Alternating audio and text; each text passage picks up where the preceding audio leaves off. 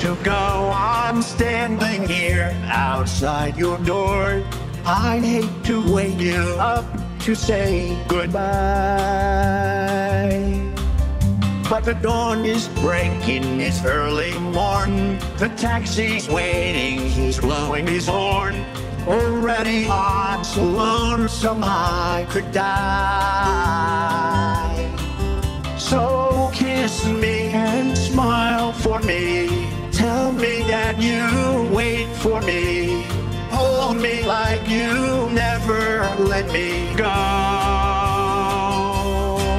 Cause I'm leaving on a jet plane. Don't know when I'll be back again. Oh, baby, I hate to go.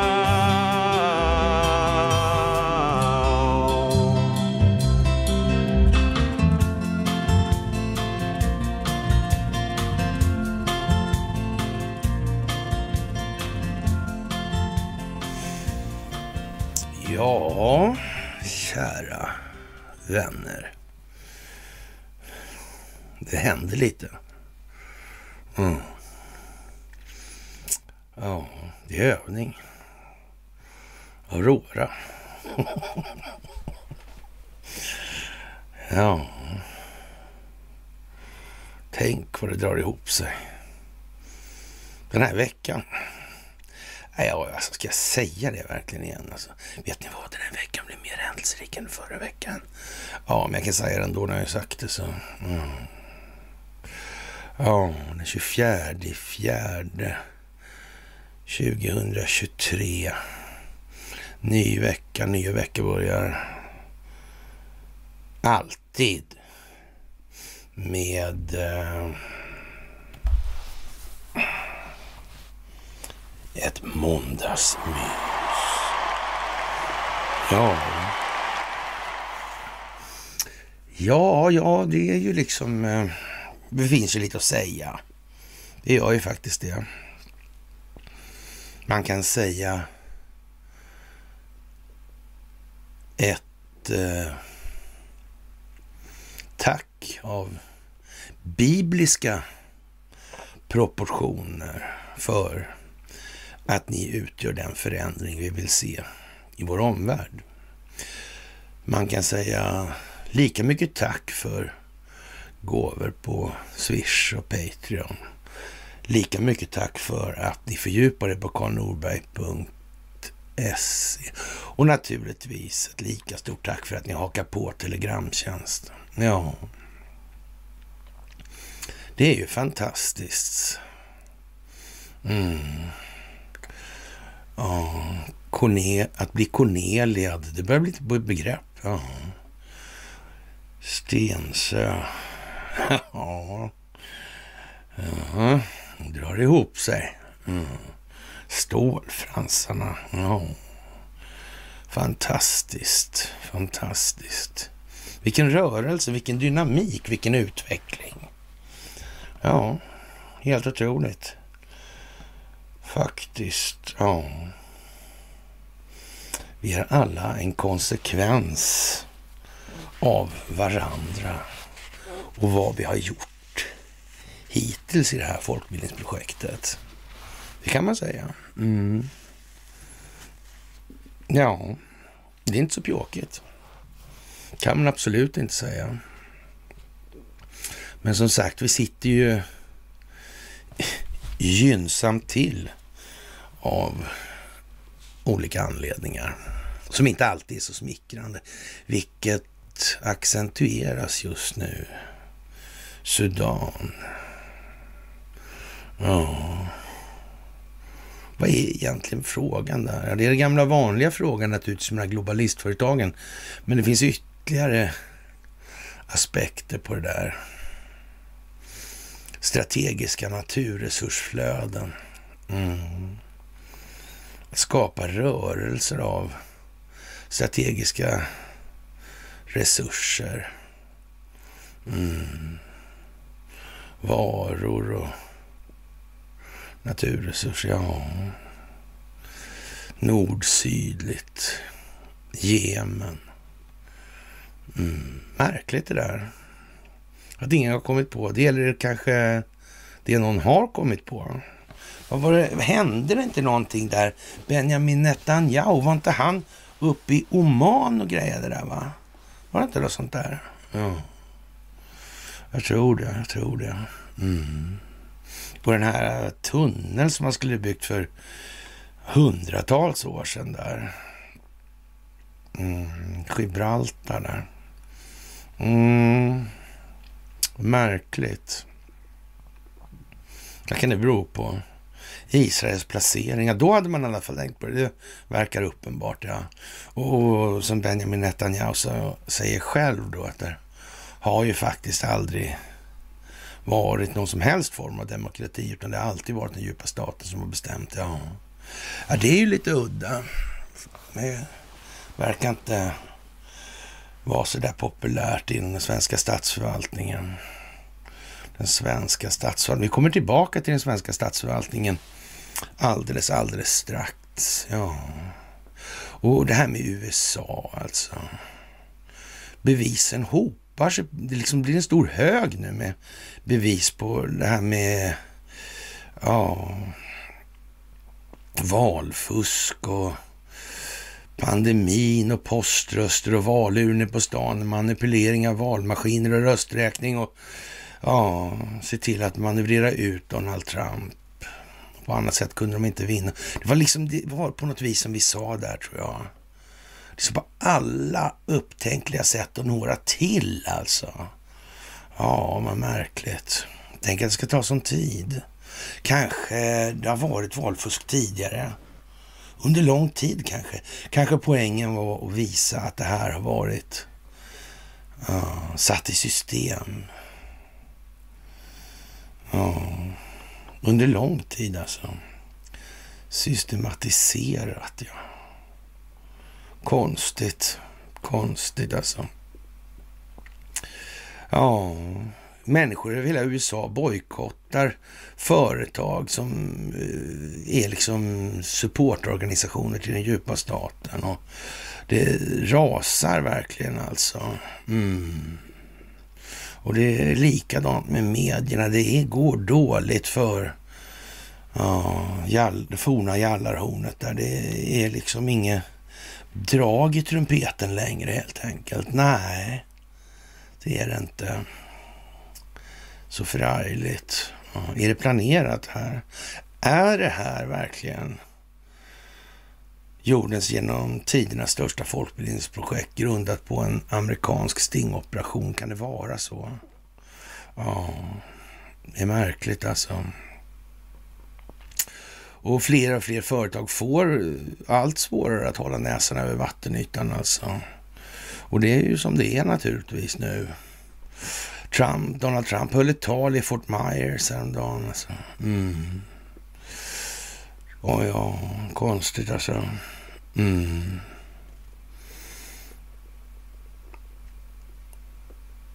Konstigt. Till och med statstjänstemannen som borde motverka Donald Trump på grund av sin lojalitet till den djupa staten. börjar vända. Mm. Det var bra gjort tycker Donald Trump och köpte pizza till dem. Mm. Det var ju speciellt alltså. Och pizzor, ja. Pizzagate. Oh. Florida röstar för en lag som gör att våldtäkter på barn och pedofil genererar dödsstraff för den skyldige. Mm. Mm. Jeffrey Epsteins samröre med JP Morgan är mycket djupare än vad man tidigare trott. Jeffrey Epsteins samröre med Handelshögskolan i Stockholm. Oh. Jeffrey Epsteins samröre med systrarna Enbom kanske. Barbro och Karin. Mm. Men hur var det där med Epstein egentligen? Mm, vad konstigt det där alltså. Mm. Dog han egentligen? Mm, Bill Barr där och hans farsa.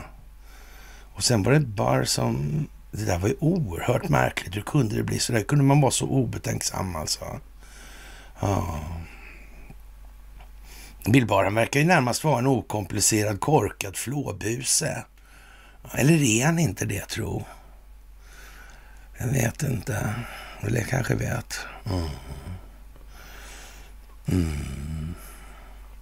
Han kanske kan något om historien. Jobbar han åt George Bush? Hur var det där i början på 90-talet med den här historien med kidnappningen av Wallenberg och uh, undervattensanläggningar i Katarinaberget där min ja, ingångar den vägen. Ja, det där var ju mycket konstigt. Mm. Den här kampen mot den djupa staten, kan den ha pågått ett tag?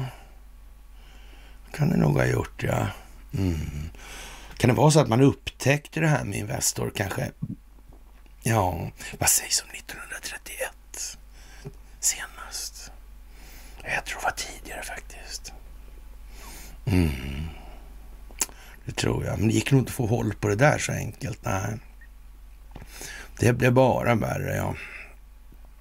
Ja, som sagt, eh, ja, Epstein hade möten med banken i sin våning på Manhattan mellan 14 och 17 och banken brydde sig inte om att de umgicks med en dömd pedofil eller vad man kallar det för. Ja. Som sagt, det här med pedofilringar, ja. Mm. Det har funnits lite överallt. Alltså barnhandeln har varit omfattande. Men eftersom det här handlar om hållhaksbusiness till uteslutande delar så kanske inte man ska springa på det här äh, traditionella skiten som måste finnas för att så att säga, göra det andra trovärdigt. Det kan inte bara vara den typen av tappade själar som håller på. Alltså, äh, det skulle inte se bra ut. Det måste finnas lite opinionsbildningsmässig legitimitet i det där på något vis. Alltså. Ja, konstigt alltså. Och Clinton, Obama och Bush har startat ett bolag som flyger in invandrare till USA och ser ut att vara barn från Kuba, Haiti, Ukraina, Nicaragua och Venezuela. Ja, och det är kopplat till George Soros Open Society Foundation. Är den kopplad till någonting som har med Sverige att göra? Den här eh, Open Society Global till exempel. Sitter det någon i styrelsen där som är kopplad till Investor? Ja, det vet man ju aldrig alltså. Det ska man ju inte... Nej. Kanske är kopplade till fler banker. Var inte han, var inte han ihop med den här eh, Weil och Urwitz? De, inte de hängde de ihop en sväng? Och kanske de kände till något om det där också? Ja, det vet man ju inte. Nej, det vet man ju inte riktigt alltså. Och i Sudan alltså. Oh. Konstigt. Tänk om det är geofensat överallt, ända ifrån ja, Sundsvall till Nicaragua. ja, men eller hur? Ja. Kanske var man tvungen att göra så för att få håll på det här.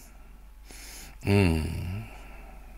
Jag såg to tokfransarna, eller på sig, men stålfransarna, de hittade på alldeles tokiga saker däremot. Sa att, eh, ja, att det var för att reta befolkningen och trigga dem liksom och få dem att vakna och hoppa upp ur eh, soffan. Så tokigt tror inte jag att det är. Eller så är det ju så tokigt. Ja, de såg helt arga ut de där två alltså. Mm, två tjusiga donnor sådär liksom. Men där såg de lite skrynkliga ut i pannan liksom när Bodil fick tre miljoner. Det, det verkar inte gå, gått hem alltså. Kanske det är en, det är en reaktion liksom sådär alltså. Som, som mm, ja, eftersträvas på andra håll liksom, den effekten. Det kan ju vara så. Man kan inte vara helt säker menar det. det, det ja, vadå liksom? Mm.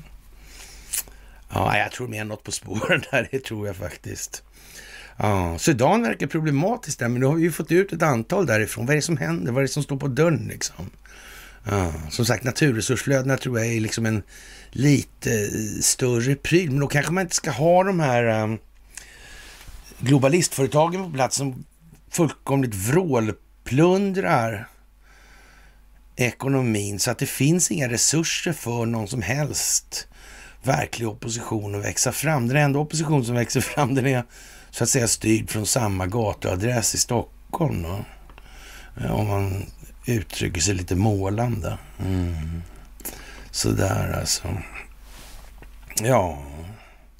Och den amerikanska administrationen har räddat 70 diplomater och deras familjer. Men den stora grejen som Biden-administrationen inte riktigt vill kännas vid är, det är ungefär 16 000 amerikaner som arbetar och bor i landet.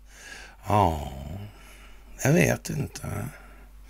Det verkar som att de får ha liksom jag har inte tagelskjortan på kanske som den gamla kupletten, men ändå blåstället i alla fall. Det verkar vara liksom mycket verkställande jobb där alltså från den sidan. Mm. Men de här gynnsamma, lukrativa avtalen för de här uh, globalistföretagen, det verkar de på något vis tappa på vägen. Ja. Mm. Det verkar vara hela tiden också. Det verkar vara gammalt, sen gammalt tillbaka det här. Konstigt. Det tycker jag nog alltså. Mm. Och Donald Trump, han... Eh, ja, han blir mer så att säga frispråkig nu. Allt efter vad tiden går här nu. Han liksom pratar i rätt så eh, strikta operativa termer för vad han ska genomföra och göra. Han har på något vis... Eh, han verkar inte helt... Eh, han verkar inte så orolig för själva valet och såna grejer. Nej. Men det är klart att skulle det vara så att det här är en... Eh, ja verksamhet som nu som pågår som egentligen är eh, utskott på den här stingoperationen, utväxter alltså. Ja, då vet man ju inte. Han kanske är tvärsäker alltså. Det kanske är ren opinionsbildningsteater hela resan. Ja, jag tror vi har gjort oss tråkiga kring det där så länge så vi behöver inte köra det igen alltså. Nej, det är ju speciellt alltså. Det här liknar Afghanistan säger man. Biden-administrationen räddade ingen amerikan som arbetade där. Eh, ja, Kina kommer att invadera Taiwan. Biden-administrationen hade tänkt ställa upp för Taiwan, men nu ser det ut som om USA inte kan stödja med utrustning och manskap. Det är ju konstigt. Hur kommer det här sig? Ja. Ja, kan man säga att om det här är en stingoperation så kan det ju ske vad som helst och fort kan det gå också. Det är ju bara frågan om vilket opinionsbildningsklimat man bedömer sig ha alltså. Vilket man mäter jävligt noga helt säkert alltså. För det fall att det nu är ett folkbildningsprojekt baserat på en stingoperation. Men det vet vi ju inte. Det förutsätter ju i så fall att den djupa staten existerar. Och då kommer den här frågan då. Vad, hur kommer det sig att det inte, så, liksom inte fortfarande är alla är där redan. Alternativmedierna är inte intresserade. Då får du genast klagomål på det här med att jag bedriver någon form av polarisering. Det är inte det det här handlar om. Det handlar om frågan varför gör man inte det? Alltså det, det är klart att det är ingen som är i behov av eh, att någon upprätthåller människors uppmärksamhet på helt fel problemformulering. Det är det det här handlar om. Och, och, nu är vi framme vid den punkten att man kan ju inte längre precis bara... Ja, nej men de är nog dumma i huvudet liksom. Men så troligt är inte det att folk är så dumma i huvudet som fortfarande håller på med upplysning i den meningen alltså. Nej. Nej, det är nog inte så. Ja. Och eh, Michael Flynn kommer att ingå i Donald Trumps kabinett då, när tiden kommer för det. Och när man inte ser om tiden kommer för det skulle man kunna tänka sig att man formulerar sig då. Men det gör man inte längre, det är när bara. Mm.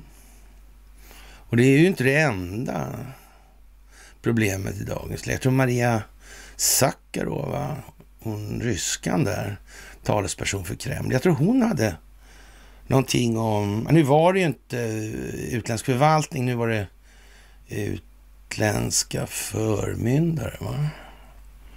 Västerländska utländska aktier, ja, jag kommer inte ihåg. Vi kommer ju tillbaka till den här. Mm. Blasieholm. Kastellet. Flaggan. Mm. Jag tror jag har nämnt det faktiskt. Mm. Sittandes här. Ja, till och med. Mm. Framför samma gamla bokhyllor. Mm. Ja, 2013 var Flynn på besök hos militären i Ryssland. Han fick som enda amerikan besöka ryssarnas underrättelsetjänst. Men 13 var det väl ändå så att det var Barack Obama. Ja. Och han utsåg Michael Flynn två gånger. Så osedvanligt korkat gjort. Mm. Om inte. Nej. Det måste ha varit i säcken innan det kommit på påse här. På ett eller annat vis. Vi har sagt det förut och vi kommer säga det fler gånger. De här skådisarna, vad är det för figurer egentligen? Mm. Det kommer att visa sig. Det kommer att visa sig. Ja. Flynn fick dessutom veta av Putin var alla lik som demokraterna och den djupa staten hade i Ukraina låg. Mm. Alltså var alla biolabb och mm, vapenfabriker och så vidare. Och vad de forskade på och vad de framställde. Mm. Fanns det någon svensk inblandning i det här? Svensk för, företagsoligarkisk inblandning kanske man ska utveckla det till. Ja, det kan ju vara så alltså. Ja. Och 13 var det ingen som trodde annat än att Hillary Clinton skulle vinna presidentvalet 16 och därmed började en förtalskampanj mot Flynn. Alltså man till och med gav honom ultimatum att han inget fick yppa, i annat fall skulle det bli fängelse. Donald Trump vann ju valet och Flynn benådades här då, då, och det är därför de ser med fasa på att Flynn ska ingå i Trumps regering om Trump vinner. Mm. Ja, man vet ju inte. Konstigt. Mycket märkligt. Mm. Carl Bildt. Ja. Han är ju speciell alltså, Carl Bildt. Måste man ju säga. Ja. Nu är han sur på de som inte hejar på NATO. Ja. Fan, en del har ju varit helt skruvade sådär och under evärdlig tid, höll jag på att säga, men väldigt långt, i många, många år, innan någon ens har nämnt det här med de här överstatliga strukturerna, så har vi sagt att de ska, så att säga, yeah. Mm. De kommer att förändras i sin nuvarande form av tappning. Vad som blir kvar, det återstår att se, helt enkelt. Mm. Ja. De är sura på Bulgarien och... Ja... Polen. Storpolen. ja, jag vet inte. Konstigt alltså. Och dessutom har han inte verifierad profil eller Carl Bildt. Han har väl inte folk som sitter och jobbar med hans konton sådär alltså. Uh för att hinna med för att opinionsbilda på ett visst givet sätt. Han och hans kompis Anders på Anders där. Ja. Han ja. Mm. Kolomojskis kompis. Mm. Just det, ja. Han... Eh, ja. Han sitter i massa olika tankesmedjor. Mm. Han gillar inte eh, Donald Trump så mycket. Mm. Just han gillar inte Putin heller. Sådär våldsamt mycket. Vi behöver kanske inte tillägga att han gillar inte faktiskt eh, Recep Tayyip Erdogan eller Xi Jinping heller. Nej, nej. Mm. Verkar gå långt bak det här. Man skulle kunna säga att eh, Biao, där, ambassadören i Sverige, den första kinesiska. Mm. De måste ju ha känt till lite om Gustav Oskar redan på 19, början på 1900-talet som själva modus operandi tror jag de kunde identifiera ganska tidigt. Uh, och intressena var ju ändå de samma. De hade ju inte ens bytt namn faktiskt. Visserligen bolagsnummer då i, på 30-talet eller 40-talet därför att det, det var lä lägligt att likvidera det första Investor då. Mm. Ja. ja, men det kan man ju tänka sig. Faktiskt alltså. Ja. Men det här är ju märkligt alltihopa alltså. Att det bara går runt, runt, runt, runt. Kan det bero på att det är dumheten som styr? Mm. Det kan det ju vara. Och han verkar speciell, Donald Trump. Alltså han kan prata om ämne till ämne till ämne och, och ja. Eller beror det på att han har liksom skaffat sig någon form av adekvat problemformulering initialt så han vet så att säga vilka ingångsvärden man ska ha beroende på vilket perspektiv man väljer att göra en betraktelse ur där. Mm. Ja, det kan ju vara så alltså. Och, och, det är väl lite lättare om man vet vad, vad så att säga rågångarna går någonstans. Jag tror det. Vi brukar ju säga att man ska försöka ta ut då höjden på betraktelsepunkter. Det är ju alltid lättare att se runt hörn om man tittar uppifrån då så att säga. Istället för att försöka kika runt hörnet sådär. Mm. Det handlar ju mycket om det, alltså det här med korstabuleringen, krysset liksom. Mm. Ja, det är fantastiskt det här tycker jag. Faktiskt. Och eh, nu verkar det så himla konstigt att eh, Donald Trump har verifierat sitt konto på Twitter.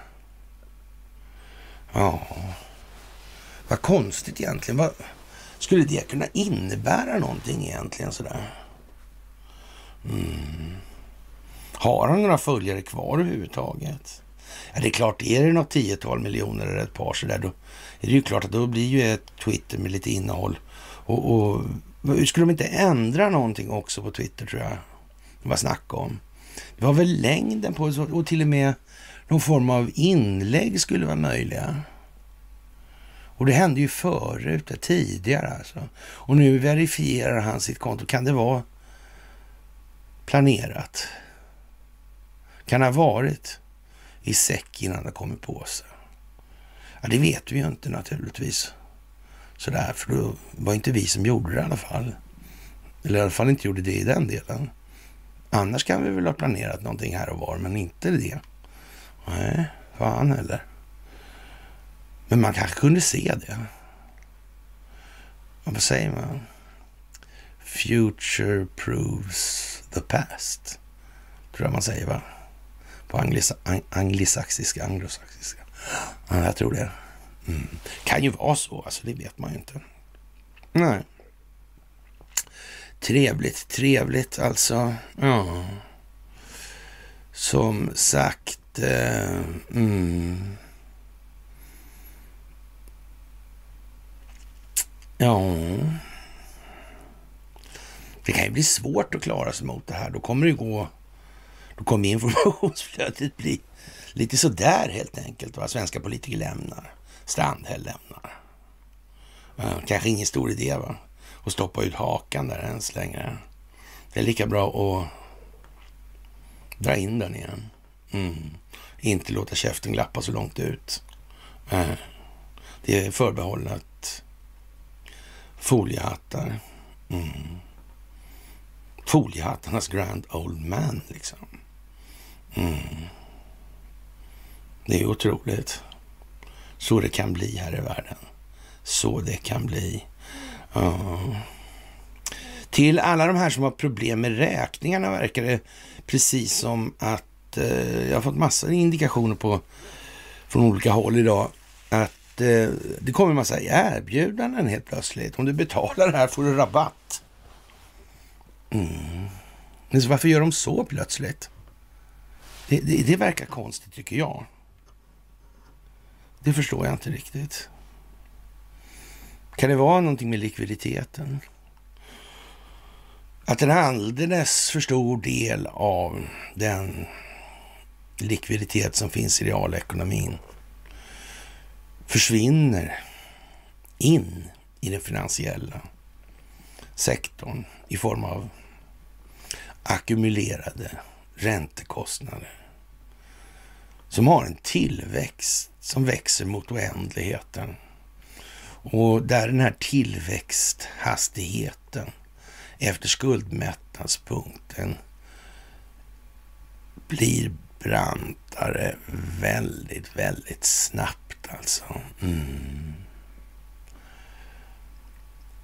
Hastigheten på tillväxten per tidsenhet ökar dramatiskt nu. Mm. Det är inte alls frågan om någon linjär funktion. Nej. det där är ju nästan kusligt alltså. Och som sagt, det är många som inte vill se det här eller ta i det här av någon anledning. Mm. Men som sagt, de bromsar nu och det är inte bra.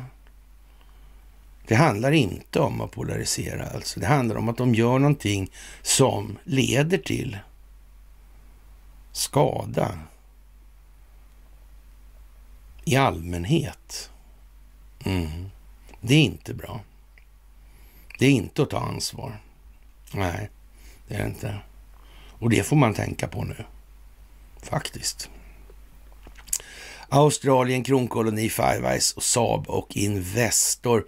Och, och, Australien vill se större räckvidd på sitt försvar, det vill säga eh, ett försvar då som har en större räckvidd inne innebär ju liksom, eh, det är någonting man ska försvara som man redan har alltså. Mm. Det, det är ingen som anar, lite motsägelse här. Ja, då får ni fundera på det tycker jag. Ja. och naturligtvis flaggar man här. Det är lite Bodil Hansson och tre miljoner i eh, fallskärm som folkvald politiker över det här. Mm.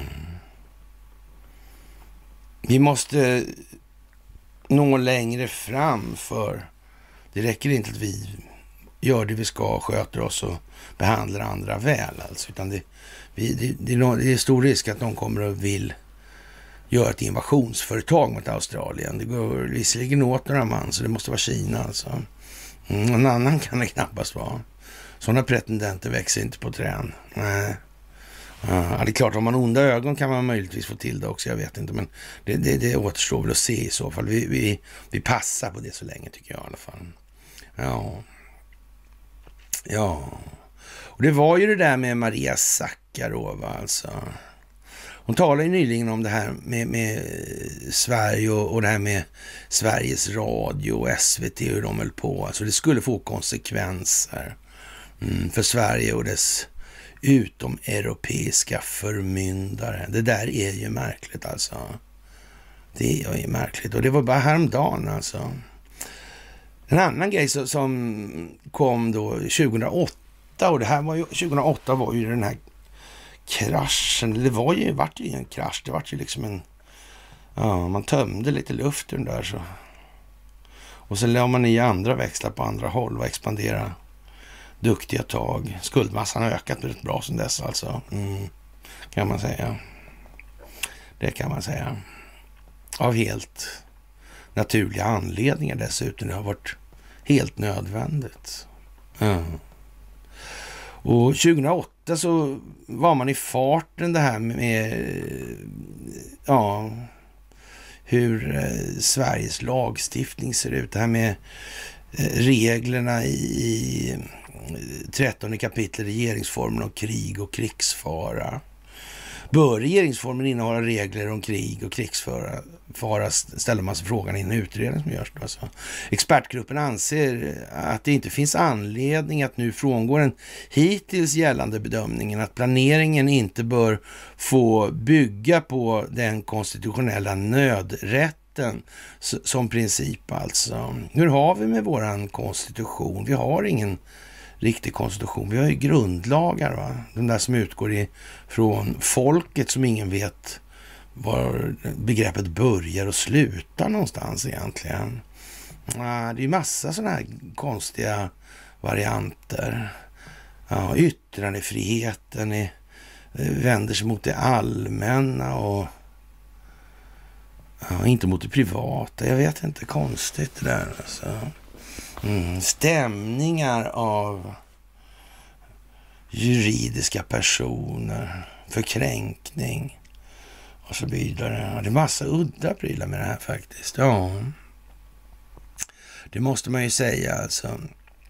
Ja, slutsatsen blir alltså att grundlagen även fortsättningsvis bör innehålla regler om krig och krigsfara. Ja. Bör regeringsformen innehålla regler om vad som ska gälla under en eventuell ockupation av Sverige? Det här är 2008 man hade kommit på att det här kunde vara någonting. Ja, man kan väl säga så här. Man måste nog fan ha fattat att någon var de på spåren från den djupa statens sida. Jag tror det. Det måste man ha hunnit begripa vid det, vid det laget. Ja, jag tror att John F Kennedy, jag tror Nixon, jag tror Ronald Reagan. Ja, de kan ha varit liksom indikatorer. Eller, ja, de kan ha indikerat. Ja. Det kan de ju ha gjort, ja. Mm. Hm. Så märkligt. Mm. Washingtonförhandlingarna. Morgenthau. Han, finansministern där, som inte tyckte att man skulle ta Wallenbergs ord för mm, sitt nominella värde. Det var inte aktuellt. Nej. De skulle mera dömas för sina tidigare gärningar, handlingar och så vidare. Mm. Ja, det är konstigt.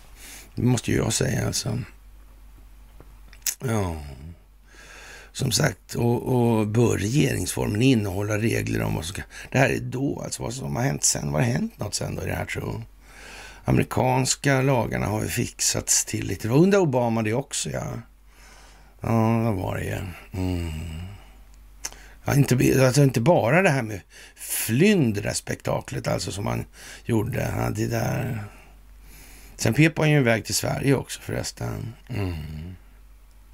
Just det, var något möte där i någon religiös lokal eller hur det nu var. Jag vet inte. Men, mm, Investor var där också. By the way på första parketten. De satt inte ens på parketten, de stod på, satt på scenen till och med tror jag. Mm. Men det var märkligt. Det var mycket märkligt alltså de nu gällande reglerna här i Sverige i alla fall om vad som ska gälla under en eventuell ockupation av Sverige då, alltså 13 kapitlet, 10 paragrafen, 11 paragrafen och 12 paragrafen andra stycket regeringsformen innebär att riksdagen, regeringen och riksdagsledamöter, statsråd eller statschefen inte får fatta några beslut eller utöva någon befogenhet på ockuperat område, det vill säga Sverige då, om det skulle vara så alltså. Mm. Att val till riksdagen eller kommunala församlingar inte får hållas på ockuperat ockuperat område och att den eh, svenska offentliga de svenska offentliga organen åläggs att på ockuperat område handla på det sätt som bäst gagnar försvarsansträngningarna och motståndsverksamheten samt civilbefolkningens skydd och svenska intressen i övrigt. Mm, det är en eh, så att säga kanslisvenska som Natur, jag, tror inte, jag tror inte statsrådet Bagge Holm, statsråden Bagge Holmberg, eller för den skull alltså lingvistikstjärnan själv, alltså. Vår enda professor i riktig svenska, Erik Wilander. Jag tror inte han hade uppskattat den här skrivningen, sett ur dagens perspektiv till gällande händelseförlopp och händelseutveckling i världen. Nej, det tror inte fan inte jag på alltså. Mm. Det här är något lurt alltså. Det är något stort som håller på att hända. Mm. Det håller på att hända grejer alltså. Ja, ja det där är ju väldigt konstigt alltså. Mm. Konstigt egentligen. Mm. Man får inte... Ja, det verkar liksom... Eh, ja, jag vet inte. Verkar som någon har tänkt här också. Redan då alltså. Ja. Faktiskt alltså. Ja. Man får inte heller meddela beslut eller vidta åtgärd som i strid mot folkrättens regler ålägger no någon rikets medborgare att lämna ockupationsmakten bistånd. Mm. Reglerna syftar till att trygga den svenska folkstyrelsen. Hur är det med den då? Var den så bra det här med maktdelningsprincipen då? Nej, den fanns ju inte där. Nej. Vi hade ju folksuveränitetsprincip, ja. En suverän befolkning. Jaha. Men ekonomi har ingenting med det att göra. Mm. Ekonomi styr inte den politik.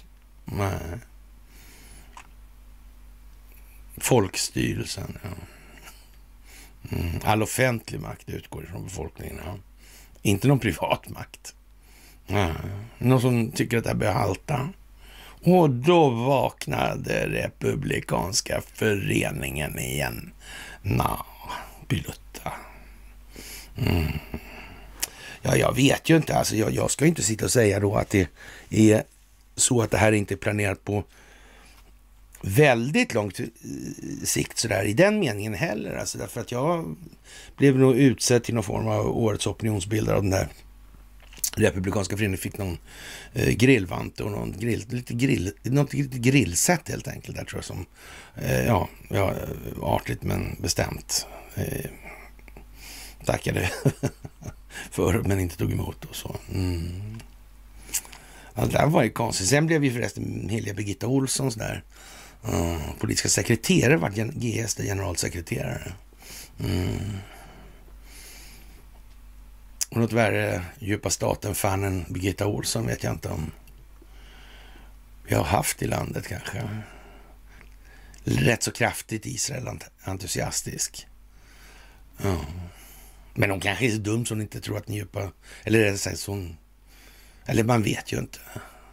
Den djupa staten kanske inte finns. Hon kanske har rätt i det. Ja. Man vet ju, men det kan man inte veta på det viset. Alltså, nej.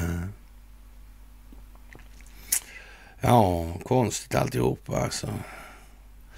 Och man skriver då, alltså 2008, den förändring som inträffat i vår omvärld och i Sveriges säkerhetspolitiska situation samt reglerna Reglernas unika karaktär vid en europeisk jämförelse utgör skäl som med betydande tyngd talar för att reglerna nu upphävs. Alltså, förutom reglerna i den interna konstitutionella rätten finns det vidare i folkrätten regler om en ockupationsmakts befogenheter hur de här avgränsas. Till detta kommer att reglerna om ockupation har kritiserats för att vara defaitistiska och att de utgör en särreglering för en ytterst speciell situation. Sammantaget anser expertgruppen att de skäl som talar för att avskaffa reglerna om ockupation numera är så starka att detta bör ske. Mm. Hur har det blivit med allt det här egentligen? ja, och eh, om Sverige skulle dras in i en konflikt när svensk väpnad styrka deltar i ett internationellt uppdrag i ett annat land skulle detta troligen inte innebära att riksdag och regering skulle vara förhindrade att fullgöra sina uppgifter. Det skulle knappast, alltså knappast föreligga behov av att inkalla krigsdelegationen. Mm. Ja. Man anser att reglerna för inkallande av krigsdelegation 13 kapitel 2 paragrafen i regeringsformen bör avgränsas så det blir möjligt att inkalla krigsdelegationen enbart vid sådant krig eller sån krigsfara som innebär att rikets territorium eller bestånd är hotat. Men hur blev det då? Mm. Ja, det är konstigt. Vad handlar det om, sa Robert O'Brien. Ja, det gjorde ju det liksom. Det gjorde ju det. Det var ju konstigt. Ja, kan det vara planerat? Ja, ja, det vet man ju naturligtvis inte. Mm. Ja, jag vet inte. Det är svårt att, att säga sådär. Alltså. Ja. Det kan ju vara värt att unga igenom de här prylarna och tänka lite och fundera på lite. Det var ju då liksom. Och sen var det lång tid sedan och så hände det grejer däremellan. Och, ja. Så gjorde man om de här grejerna, 13 där i Flynn var det då. Sen så var det då, ja, på slutet där. Innan då Donald Trump skulle, eller klev ner för trappan och sa att han tänkte kandidera. Just det. Mm. Och sen så var det någon revision av det där, någon anslutning till något lektorsval där tror jag. Amerikanskt, 2016 vill jag minnas. Det var ju konstigt också. Mm. Sitter det här samman tro? Kan det vara så? Det var en konstig grej sådär som man, man kan ju faktiskt ta fasta på. Vi har inte hållit så mycket i det för det, det får för fort liksom. Och, och då kommer inte folk förstå. Men man kan säga så här. Och det här är jävligt enkelt alltså. Uppenbart så anser Amerikas förenta stater, Mike Pompeo, för detta CIA-chef alltså, sedermera utrikesminister. Mm. Han anser att telekombolaget Ericsson är en nationell säkerhetsfråga för USA. Mm. Skulle man kunna misstänka att eh, för svenskt vidkommande så skulle Ericsson kunna vara en nationell säkerhetsfråga. Eller? Men det måste man väl nästan kunna säga. Mm. När det amerikanska justitiedepartementet sätter sig som överrock på Ericsson är det ingen fråga för svensk nationell säkerhet. Det borde det rimligtvis ha varit då med Donald Trump med hans olika konstiga, farliga, galna, ja, megalomaniska insatser. Men det var, sades ingenting om det. Hur påverkar det här svensk säkerhetstjänst? Att det är det amerikanska justitiedepartementet, det, så vitt jag känner till i alla fall och förmodligen några till, känner till eh, så, så har inte den svenska politiska processen, eller ska vi kalla det för folksuveränitetsprincipen, något överväldigande inflytande över den amerikanska statsapparaten i alla fall. Justitiedepartementet i USA, det känns ja, halvhyfsat till hyfsat fristående ifrån den eh, svenska folkviljan. Ni får ursäkta, alltså jag vet att jag låter lite tråkig när jag säger sådär, men jag tycker ändå det är värt att poängtera. Mm. Verkar inte det konstigt? Är det inte så liksom att om... ja, ursäkta.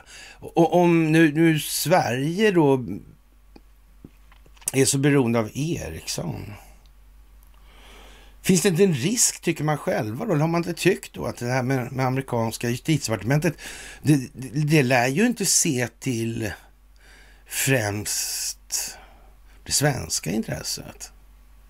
Speciellt inte med en sån president. Han, who could have guessed liksom Sweden? Ja.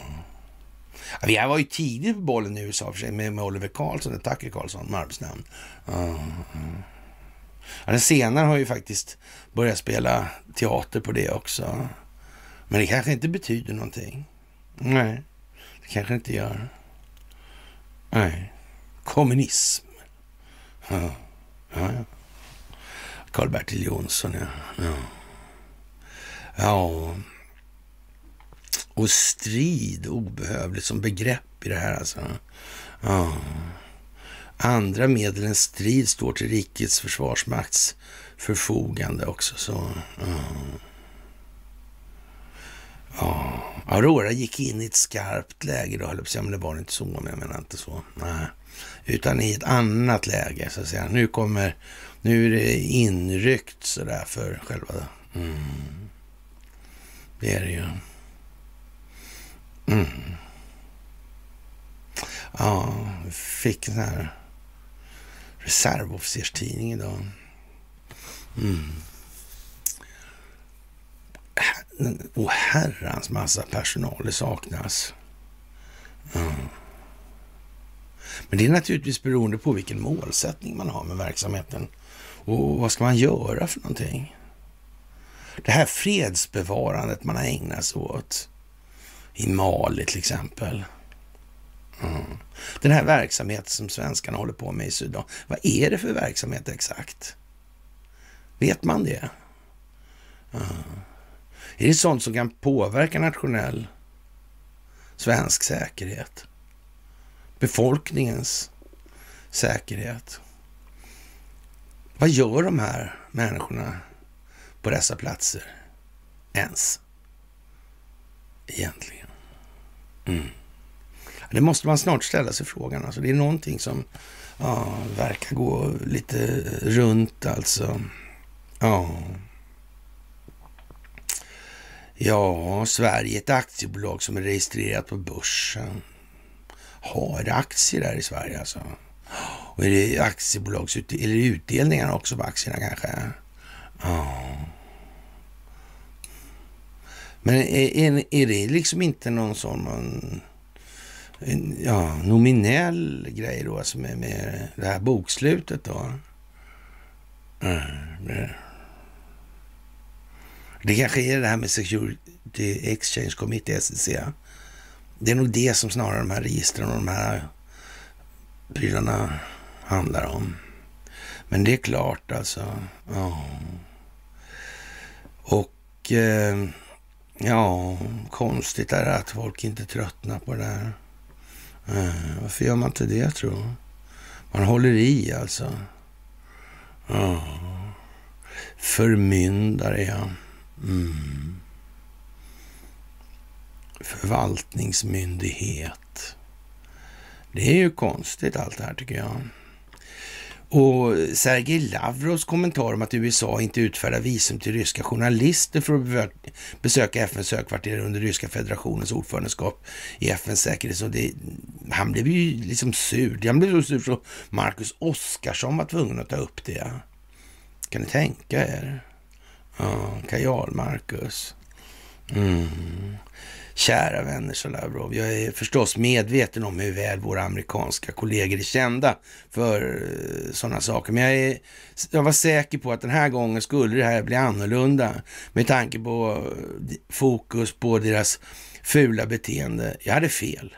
Eh, det land som kallar sig det starkaste, smartaste och friaste och mest fria kanske och, och det mest rättvisa har gjort en oklok, dum sak som jag är övertygad om, ja, genom att visa vad dess påstående om skydd av yttrandefrihet och tillgång till information är verkligen värt. Vi, vi kommer också att behöva arbeta för att visa er ja, visa mer energi och lägga till mer kraft på att föra ut sanningen till världssamfundet och allmänheten försök att hålla reda på vad vi ska göra där och med denna sanning.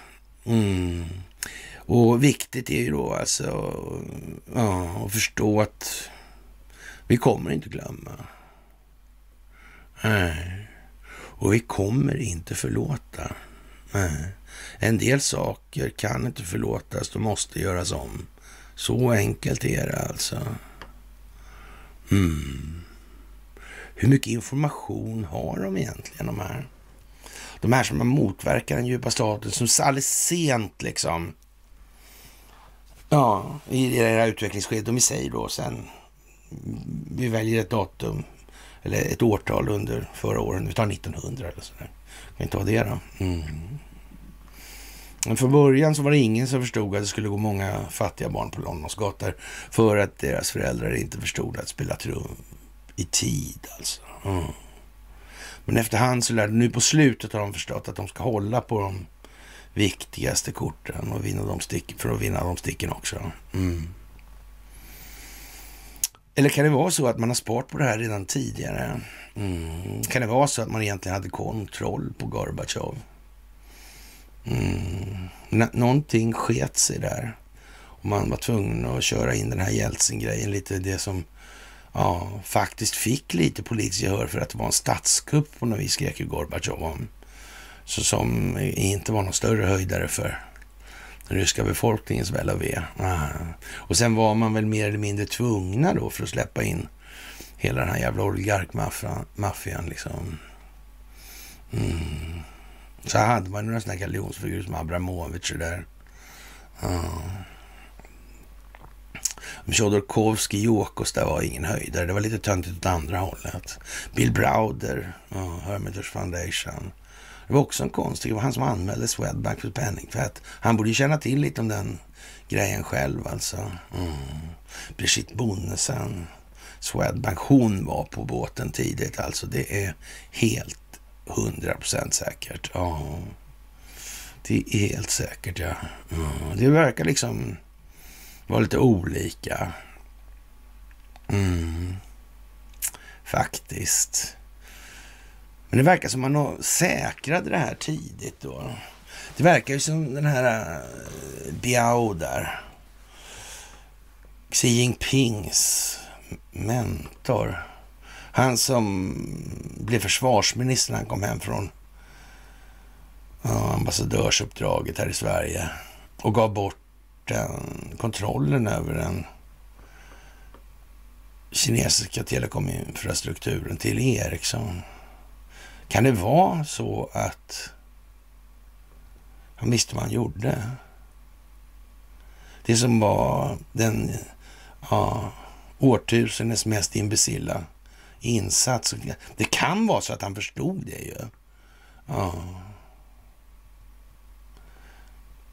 Och han har så att säga låtit det här spelas ut på det sättet. Ja.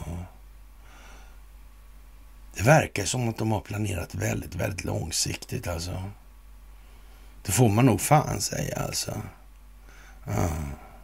De kanske kände till, de gamla Ostindiska kompanierna kanske kände till opiumavtalen. Början på 1900-talet där. Där de skrev en förlängning på de gamla från 46-48 där. 1907 var Gustav Oskar. Han som ja, sedermera drog till Turkiet, där freden i Lausanne och sen blev det turk istället för svensk. Jaha. Ja. Befolkning, ja. Folk. Ja, ja, han är turkiska folket. Han blev turk helt enkelt. Då. Eller hur fan menar han? Vad börjar och slutar ett folk. Vilka konstiga ord. Ja. Tänk om man aldrig kommit på att man borde faktiskt, om man har det med som förutsättning för det som ska konstituera en ordning eller en ja, funktion av något slag. Det vore inte bra att man har liksom saklig grund på hur man räknar ut ingångsvärden och sånt där. Ja, jag vet ju inte det, men jag, jag bara fick för mig att det skulle kunna vara lite bra faktiskt. Ja, men vad fan. Ja. Det är lite udda naturligtvis. Sådär. Ja. Mm. Ja, ett fåtal svenskar väljer vilka som ska förvärva. Ja. ja, det är ju Wallenberg som bestämmer på, överallt nu fortfarande. Alltså. Det är ju ingen som har... Nej. Det går ju bra för alltså. Ja, den här typen av resonemang, det förutsätter, eller den typen av resonemang, det förutsätter ju att man inte ens läser Dagens Industri eller något sånt där som normalt sett är ägnat att skapa ett så rejäl vilseledning. Mm. Alltså då kan man otroligt lite i det där. Alltså man, har man missat nu att det har gått lite på snedden för Investorsfären alltså. Och stiftelsemaffian där. Mm. Ja, men det blir oerhört knöligt med de här uh, Och, och man undrar ju liksom, varför känner man inte att det är... Varför slänger man ens ur sig sådana där saker? Det är inte amerikanska justitiedepartementet en sanerad del som kontrollerar. Det är inte det alltså. Utan egentligen vad som det var förr i tiden. Det amerikanska justitiedepartementet lydde direkt under Investor. Man fattar aldrig från den sida som motverkar den djupa staten att man måste göra någonting åt Investor. Man kan faktiskt inte ha någon som kontrollerar kraftförsörjningen och telekominfrastrukturen och utvinningen av naturresurser i stort och smått. Äh, som opererar som en koordinerande part i alla de frågorna. Men det kom man aldrig på. ja, jag vet inte faktiskt. Och som sagt, freden, eller freden i Westfalen 1648 och världens första centralbank 68 då, 1600 alltså. Oh. Axel Oxenstierna, ja. Mayflower. Mm. New Sweden. Delaware. Joe Biden. Mm. Rättssystemet i Delaware. Ja. Ring, klocka, ring. Mm. Sjökrigsskolan, eller ja, klockan i alla fall i Liberty Bell. Mm. Just det. Bromma, ja. Klockan där också. Mm. Ja, det är ju speciellt alltså. Ring a bell, ja. Mm. Speciellt. Google, Facebook och så vidare. Techjättarna. Mm. Ja, speciellt måste man säga. Vad gör egentligen alla de här människorna på de här stora techjättarna? Men de sparkar ju tiotusentals hur som helst. Alltså. Så det kan inte vara så viktigt sett till företagets verksamhet i alla fall. Det måste vara något annat. Ja. Så får vi ju se vad som blir kvar av de här. Vad går att rädda egentligen? Jag tror att underrättelsetjänsterna kan nog ha en killswitch på något sätt fortfarande kanske. Har man lyckats ta bort det kanske också? Det får vi ju se. Mm. Inte för nätet i stort, det kommer de aldrig kunna göra. Nej. Det lär inte lyckas. Nej. Atlas Copco, finns det i Sudan? Ja, kontoret är stängt nu, just den här dagen i alla fall. Det är en sån här röd skyltad. Så det finns. Mm. Är det någon från Ericsson finns det. Mm. ABB finns det. Det kan man ju fråga sig alltså. Ja. Konstigt alltså att ingen har sagt något. Ja. Anders Åslund, ja. Mm. Civilekonom från Handels, ja. ja. Oxford professor i nationalekonomi. Mm. Östeuropa-analytiker. Atlantic Council Washington. Oh. Jag vet inte. Carnegie Endowment. Mm. Ja. Är det en bra människa där tror Är det polarisering att kritisera Åslund? Är det det? Är det eh, lika illa som att, att kritisera honom som att kritisera ja, Vilgot på webb-tv? Mm. Jag vet inte. Det är svårt att säga. Ja, det är ju inte hemligt med meritlistan varken på Vilgot eller Åslund. Mm. Och ja, ska man se det ur investorperspektiv så är det ganska lätt att se vem som ja, förefaller ha den tarvligaste ryggsäcken. Eller den mer tarvliga ryggsäcken i alla fall. Mm. ja, det är konstigt alltså. Nu är han sur Anders i alla fall. Han är som Carl Bildt alltså. Det är en riktig jävla gnölmödis alltså. Och, och det här med Ungern och håller på och stökar och Bulgarien också. Och Turkiet är rena, ja, det är inte demokratiskt och, och det är tvivelaktigt med, med utrikespolitiken där alltså. Ja. Och det är dags att sparka ut Ungern och Turkiet. Mm.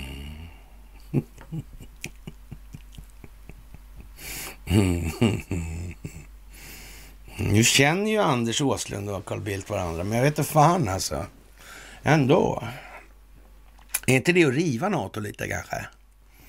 Ja, det kanske det är. Men säg så här då, Bulgarien, Polen, Ungern, Turkiet. Liksom fairly easy alltså, räknar man upp det. Mm. Ja, vilka ska göra vad sen då? Ska det danska och norska ubåtsvapnet eller hur ska det gå till allt det här? Det är konstigt. Mm. Ja, det är ju verkligen speciellt alltså. Och, och ja. Ukraina är demokratiskt fullt Ehm, ja, för västerländska värderingar och den starkaste armén i Europa. Om Ukraina har den starkaste armén i Europa, då är det ju som det är alltså. Ja. Det är speciellt. Och det här med situationen i Ukraina, det är också speciellt. Och återigen, alltså, vad, är, vad är egentligen utgångsläget? Det är som, Eh, vad ska man säga, människor helt utan någon form av militär bildning på det viset, alltså, som liksom inte har någon koll alls på det här med indirekt, alltså själva fundamenten för stridens förande på strategisk och taktisk grund alltså. Men, men eh, ja, jävligt märkligt det där alltså. Alltså se, om man ser då den indirekta, eller indirekta eldens disposition alltså. Mm. Ja, men den berättar ju allting. Det är det som spelar roll. Det är det som spelar roll. Allt det här annat, det är någon jävla billig kosmetika. Har man tillräckligt mycket indirekt eld, då är allt annat borta bara. Det är bara att mala ner skiten i pulver om det är så. Alltså. Har man tillräckliga resurser i form av indirekt eld, då är det som det är. För motståndet. Mm. Då mättar man sönder allting och sen är det bara att köra. Men, men det är så mycket annat och, och alla de här fantasifulla sagorna om eh, det ena och det andra och lidanden och hej och hå liksom. Kan det vara som Vladimir Putin sa, är det där inte en specialoperation? Ja, det är ingenting ur perspektivet av hur man har disponerat den indirekta elden i alla fall som tyder på... Man kan inte ens... Ja, det går inte att ta miste på det här alltså. Det, det är bara så. Och samma sak det här jävla svamlet med, med situationen i Sverige. Och, och, det är ju så, varför sa Medvedev så här till exempel? Medvedev. Ja. Medvedev heter han va? Mm. Varför sa han så här? Håll ögonen mot himlen. Där finns Gud och där finns missilerna. Mm. Vi var rätt grovt förvissade om att det kanske har varit så också, det vet vi ju inte. Mm. Att en överflygning, för det är ju en ubåt, minst en ubåt. Mm. Försedd med missiler som ja, de har så att säga passerat innan Sverige har gjort någonting. Helt enkelt. Och en överflygning är ju vad det är i de sammanhangen. Ja. Det är ju rätt kraftigt tala om att vi gör precis som ni vill och ni kan inte göra någonting åt saken. Ja. Den amerikanska befolkningen, kommer den att uppskatta att bli som sittande fågel? Ja. Att deras egna städer kommer demoleras totalt. Mm. Och att krigshökarna hellre demolerar hela USA än att de åker fast själva för allt de har gjort. Ja, det blir lite så alltså. Ja, de är mer rädda för den egna befolkningen än vad de är för att bli mm, förolyckade, eller vad man ska kalla det för, dödade av fientliga reguljära militära insatser från Ryssland och Kina. Mm. Det är konstigt. De måste ha väldigt dåligt samvete, faktiskt. Oh. Anders Åslund är nog inte så jävla dum i huvudet så han inte fattar det här. Så är det nog inte. Mm. Men att stå och skrika att vi ska riva NATO som man gör nu indirekt, det, mm, det är inte ens, ja, det är inte ens Carl Bildtskt. Nej, det är det ju inte. Faktiskt. Mm. Ja, och eh, hm. ja, vad finns det egentligen att säga alltså? Lundin Oil och de här olika institutionerna. Sweden Abroad och så vidare och så vidare och så vidare. Vad är det för verksamhet som har bedrivits? Sida, Unicef, Planned Parenthood, RFSL och så vidare och så vidare. Rädda Barnen och så vidare och så vidare. Är det satt i system det här? Ja, jag vet inte. Konstigt. Ja. Lettland, eh, Estland och Litauen kommer att kalla kinesiska representanter för förklaringar i samband med uttalandet från den kinesiska ambassadören i Frankrike. Ja, minns att den kinesiska eh, diplomaten Lu Shei ifrågasatte legitimiteten i existensen av postsovjetiska stater. Mm. Postsovjetiska stater med juridiska utbildningsinstanser finansierade från enskilda parter som vill ha ett tryggt investeringsklimat i landet. Ja. Mm. Beredvilligt ska man... Ja, just det. Ja. Så var det ja. Mm. Men eh, för säkerhets skull tillhandahöll man även telekominfrastruktur och banker. Mm. Några andra företag hördes inte av sig. Nej, nej. Ja. Ja, som sagt, inom internationell rätt har dessa länder i för detta Sovjetunionen inte en effektiv giltig status, inte gällande alltså, eftersom det inte finns någon internationell överenskommelse som specificerar deras status som suveräna länder, sa han ju. Ja. Andra länder utan effektiv status som Moldavien och Ukraina har anslutit sig till indignationens flashmob. Ja, det låter ju inte bra det här alltså. Men, men så låter det ju inte svenska medier av någon anledning. Eh, det är alltid de på de här ställena som... Mm.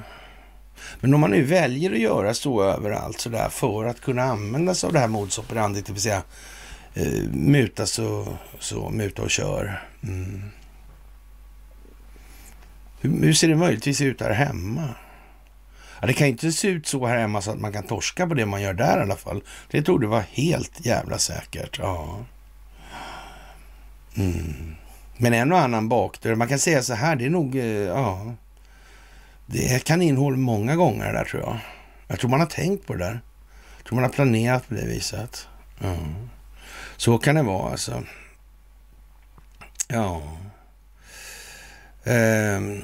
Ryska federationens utländska underrättelsetjänst har, utlandsunderrättelsetjänst alltså, har information eh, om att Polen i samband med den ukrainska krisen eh, ja, blir ämnet geopolitisk omfördelning inklusive översynen av gränserna mer och mer akut, rapporterar tjänstens pressbyrå med hänvisning till dess regissör Sergej Naryshkin. Ja... Faktum är att dagens Polen håller på att förvandlas till en stat av eh, i Pulowskis tid när Warszawa var i konflikt med alla grannar och längtade efter territoriell expansion. Alltså. Det var just sådant Polen som Winston Churchill på tröskeln till andra världskriget träffande kallade för Europas hyena, står det i det här meddelandet. Det verkar vara liksom en tonlägesförskjutning, sa eh, det var inte något med eh, ett leende besvaras med ett leende och visa någon arslet så, ja, eh, eller? Ja, jag vet inte. Men nu har i alla fall Polen gett bort alla vapnen till Ukraina. Mm. Faktiskt. Ja, vem vet alltså. Ett beväpnat Ukraina och ett neutraliserat och avväpnat Europa. Ja. Vem vet alltså? Ja. Ja, det är speciellt alltså. Mm. Ja. Udda, udda, udda. Ja. Och som sagt, Texas-baserade Ericsson ja, kom överens då med Sudan då 2018. Ja. Mm. Ja, konstigt alltså. Faktiskt. De har varit där ett tag. Mm. Ja. Hur är det med den där Sudan egentligen? Vilka är det som finansierar vad? Vi kommer tillbaka till det i och för sig. Då. ABB, ja. Mm. Ja. Det är ju konstigt. De här dammarna där, ja.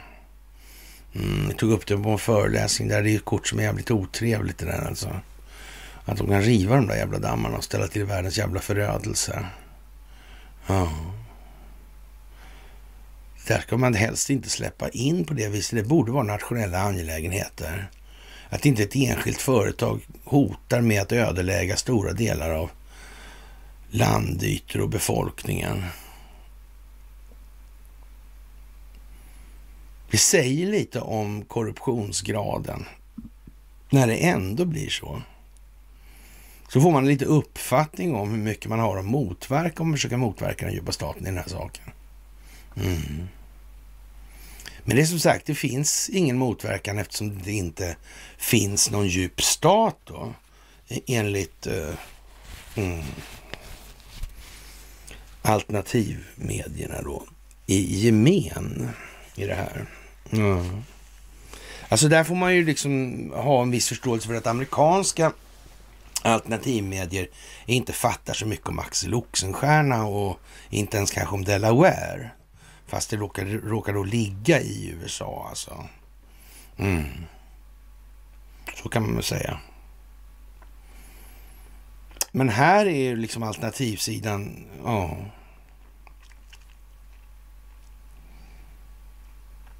Det var inte så att det saknas infiltration i den amerikanska, för det gör det naturligtvis inte. Men, mm. Här blev alternativsidan flagrant infiltrerad att, som Conny sa, den enda jävla alternativrörelsen på jorden som behöver en alternativrörelse. Ja, det kan man säga faktiskt. Det kan jag hålla med om. Och den här Merovedammen då, ja, den är ju liksom Jättekonstigt det där med allt sånt alltså. Mm. Ja, de största vattenkraftprojekten i Afrika. Mm. Ja, på Nilen där. Mm. Ja, jag vet inte. Vad jag däremot vet är ju att mobiliseringsövningen i Sveriges Radio Eh, körs idag alltså. Sveriges Radio P4 kommer att sända en inkallelse till krigsförbandsövning på måndag morgon. Det sker i samband med att man träder in i en ny fas i försvarsmaktsövningarna Aurora 23, alltså fienden anfaller säger man då. Så här. Medierna kommer att sändas ut två gånger samtidigt som trafikrapporten då. Ja, spännande. Meddelandet är ju formulerat så att man ska förstå att det är just en övning och det är inte ett skarpt läge. Eh, och det har ju gått ut oerhört mycket information om Aurora-övningen så jag hoppas att ingen ska sätta kaffet i halsen och tro att Sverige är i krig, säger Karin Berggren vid P4 Stockholms trafikredaktion till radiokanalen. Ja, jag vet inte. Ja. Mm. Jag undrar hur det blir med den där övningen i Visby. Det verkar ju jättekonstigt. Det verkar inte myndigheterna ens vara eniga om vad som gäller längre heller. Nej. Och blir det någon jönsig falsk flagga där, då blir det liksom patetiskt. Då är det riktigt patetiskt. Då har de dragit ner byxorna på sig själva, så ställer de sig och ser förvånade ut. Oj, någon drog ner byxorna på mig. Mm. Det är snudd på om vi får liksom anmäla för osedligt beteende. Mm. Eller störande av allmän ordning kanske, eller förargelseväckande kanske. Mm. Ja. Skyddsstopp för pendeltågen. En anledning till att stänga av pendeltågstrafiken. Det måste finnas trafikvärdar på, tågvärdar på pendeltåg. ja. Det är märkligt. Förr i tiden gick det utmärkt med pendeltågen utan en massa personal på det viset. Det var ju lokföraren själv. Mm. Ja, jag vet ju inte, men som sagt. Speciellt alltså. För eh, två år sedan då så ville ja, Expressen behålla monarkin. Kungahuset gör stora insatser för att värna svenska intressen utomlands och fungera som en enastående symbol på hemmaplan. Svenska intressen utomlands, vilka intressen är det då? Det var ju då det här. Mm. Nu verkar det ha gått några steg till alltså. Hur är det egentligen med abolitionen? Hur är det egentligen med den absoluta sekretessen? Uh, liksom en absolut, absolut tyst tystnadsplikt där. Hur är det med det där? Det är ju konstigt. Mm. Man vet ju inte, men det spelar kanske ingen roll. Något sånt där. Alltså. Ericsson är inget nationellt svenskt säkerhetsintresse. Ingen betydelse. Nej. Serien. Jag vet inte, det börjar bli lite dumt det här nu tycker jag. Faktiskt. Och det här var då för två år sedan Anna Dahlberg som skrev det. Oh. Sveriges moderna form av monarki har tjänat Sverige väl alltså. Och tidningen ser inget skäl till att byta ut den inom överskådlig tid. Nej. Jag vet inte. Det kanske är några som ser ett motiv.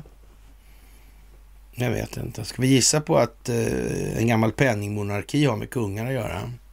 Mm, det finns någonting i grunden där som ligger till. Och sen är det en massa... Det skulle ju se dumt ut, alltså rakt av och sådär. Men av någon anledning finns det kvar. Sossarna har inte lyckats få bort det. Eh, de har haft det i partiprogrammet sedan 32 tror jag det är. Mm. Speciellt va? Ja. Men då är ju då, ja vad ska vi kalla det för? Sverigedemokratsidan kanske. Då skriker de mest att det är sossarna som är nassarna. Eller så är det kommunisterna som är...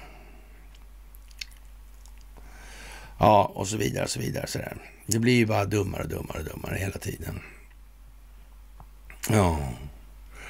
Och Elon Musk, han tycker att eh, Fauci borde liksom stå inför skranket. Mm. Ja, vem är Fauci i de här sammanhangen egentligen? Och om vi vänder på det som vanligt vi brukar göra då. Så här, om vi tittar på Faucis apparans liksom och det här. Har han gjort mycket eller lite för folkbildningsprojektet. Mm. Där har vi svaret. Mm. Hur har det gått till? Det är en annan fråga. Mm. Men eh, den långsiktiga revenyn, den är vad den är helt enkelt. Nyttan med vad Fauci har gjort. Mm. Oavsett om den är aldrig så jävla dålig eller aldrig så jävla bra alltså. Mm. Men han har inte varit så diskret. Han har varit tämligen ögonfallande. Tämligen engagerad i att dra uppmärksamheten till sig. Ja, som sagt. Mm. Polen, Tyskland, false flag. Ja. Som sagt, antityska känslor intensifieras i Warszawa. Mm. Ja, misstankarna återspeglas i polsk militär planering. Mm. Europas hygiena, ja. Ja, jag vet inte. Det är speciellt alltså. Mm. Globalisterna. Den djupa staten. Demokratibegreppet. Ordens betydelse. Ordens påverkan på tanken. Mm. Kommunikation. Informationshantering det moderna krigets beståndsdelar. Ja. Speciellt alltså. Ja. Ja. Mm. Kina har eh, tagit ställning lite grann angående det här med baltstaten och så vidare. Mm. Det är ju som det är alltså. Mm. Men det måste finnas en rättslig ordning värd namnet här. Det är nog bara så alltså. Och sa man det här, eh, om vi ska kalla det för fiffelgänget med de här bolagen i, i faggorna där, då är det svårt att se att det där har liksom inte haft en annan motivbild än den som man Ja, man, alla kan inte vara så som P.O. Nilsson där på... Mm. Dagens Industri, ja. En stillsam patriotism driver krigsmaterielindustrin i Investors fall. Ja, man kanske är så, jag vet inte. Jag vet inte. Ja. Och i, i Tyskland säger man att EU verkar ju vara liksom eh, lite sådär alltså. Ja. Tyska upplagan av Fokus skriver så här att EUs önskan att påverka situationen i den framtida världsordningen är eh, ett självbedrägeri eftersom det i politiska termer är en dvärg alltså som EU är, utgör och i, i militära sammanhang är det bara en mask alltså. Ja. Och i det kan man väl nästan säga, ja, egentligen en helt full bluff alltså. Mm. Där kan vi snacka om att det finns begränsat med indirekt eldkapacitet alltså. Ja. Och, och ja, som sagt, man eh, kan konstatera att Polen av en eller annan anledning nu alltså. Mm. Men nog måste man väl ha, den där Kaczynski-historien, var det inte så? Det där flygplanet som störtade. Var det inte något speciellt med det där? Ja, jag tror det. Ja, men de som motverkar den djupa staten, de märkte aldrig de där grejerna. Nej, det gjorde de inte.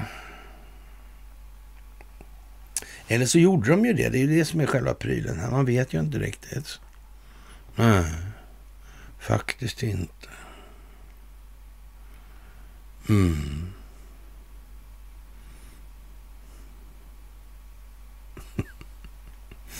ja, ja, sagt. Ja, Bulgariens deltagande i militära konflikter, ja, folk blir jättetrötta på det här i Bulgarien, alltså protesterar vilt över hela landet alltså. Och den största demonstrationen ägde rum i Sofia. Och det var 12 000 personer som gick och tyckte det här var en ganska dålig idé alltså. Ja, de vill ha fred och ut med NATO. Ja, jag vet inte.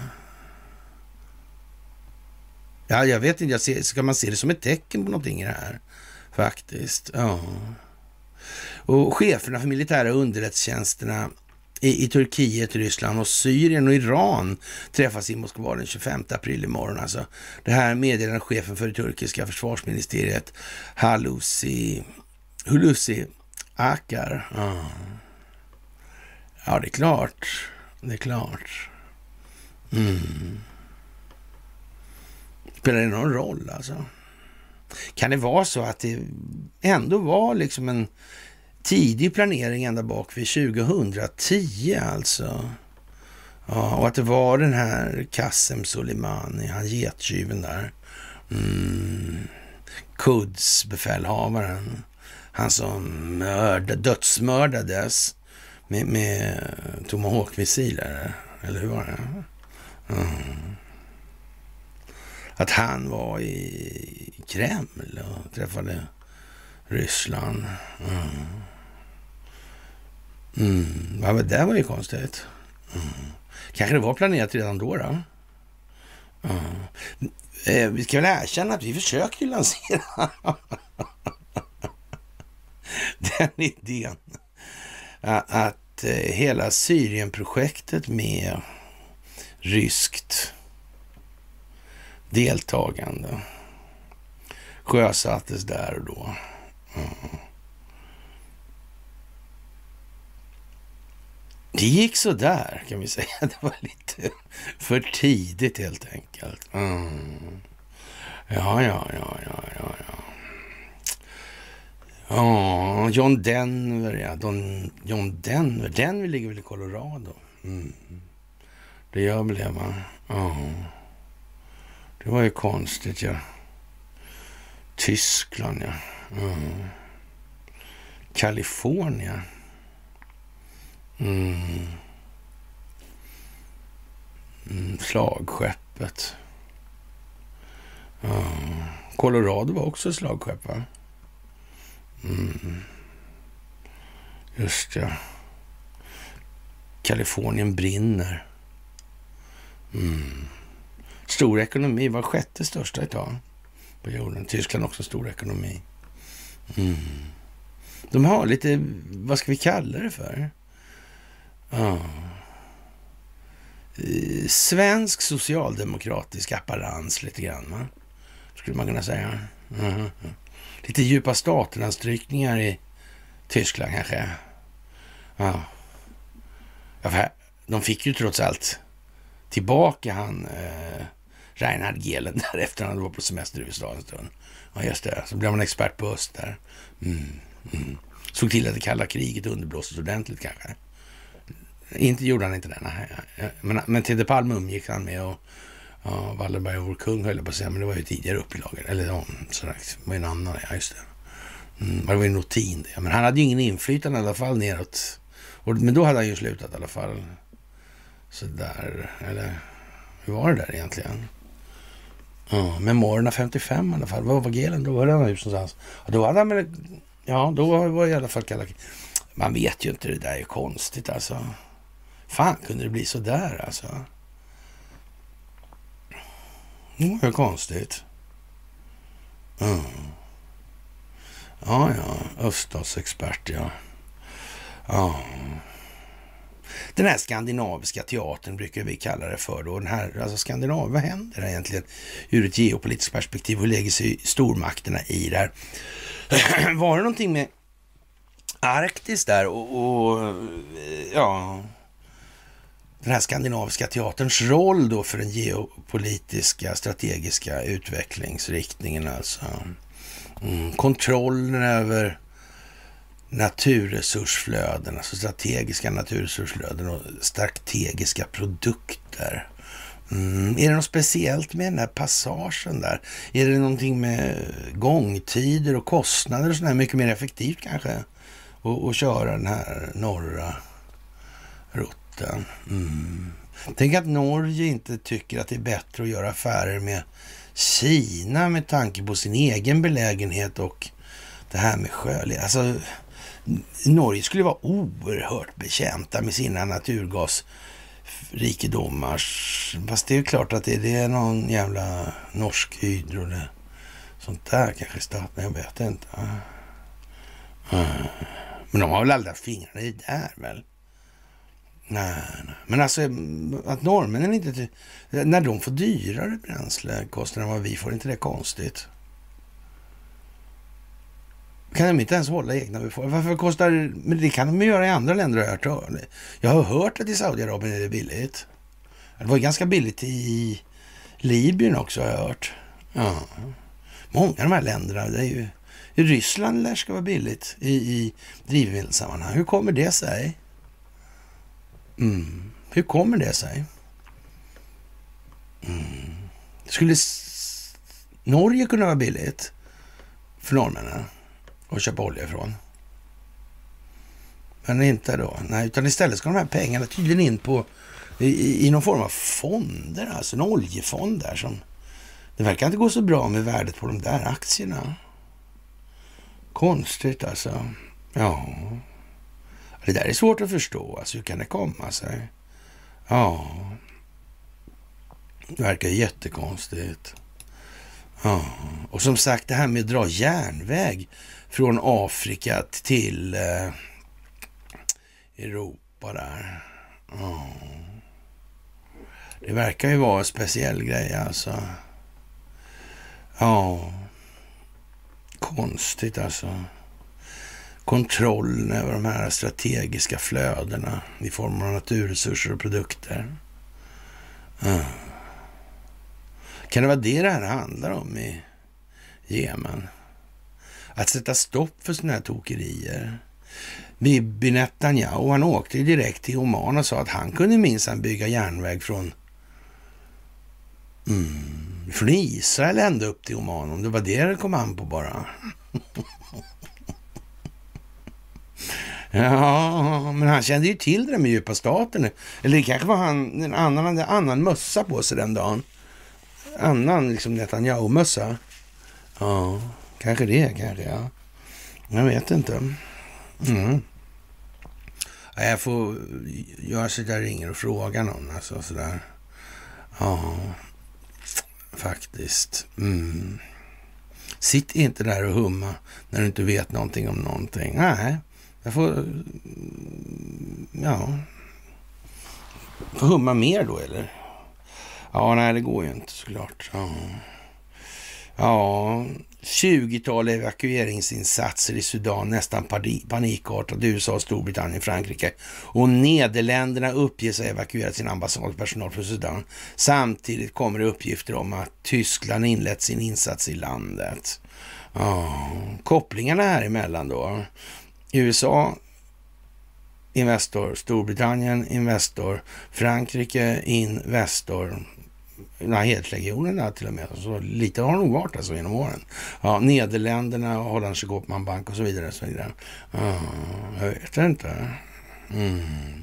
Det verkar liksom finnas en gemensam nämnare i de här sammanhangen som handlar om den här globalismens utbredning och hur det har påverkat styrningen och utvecklingen av olika länder. Mm.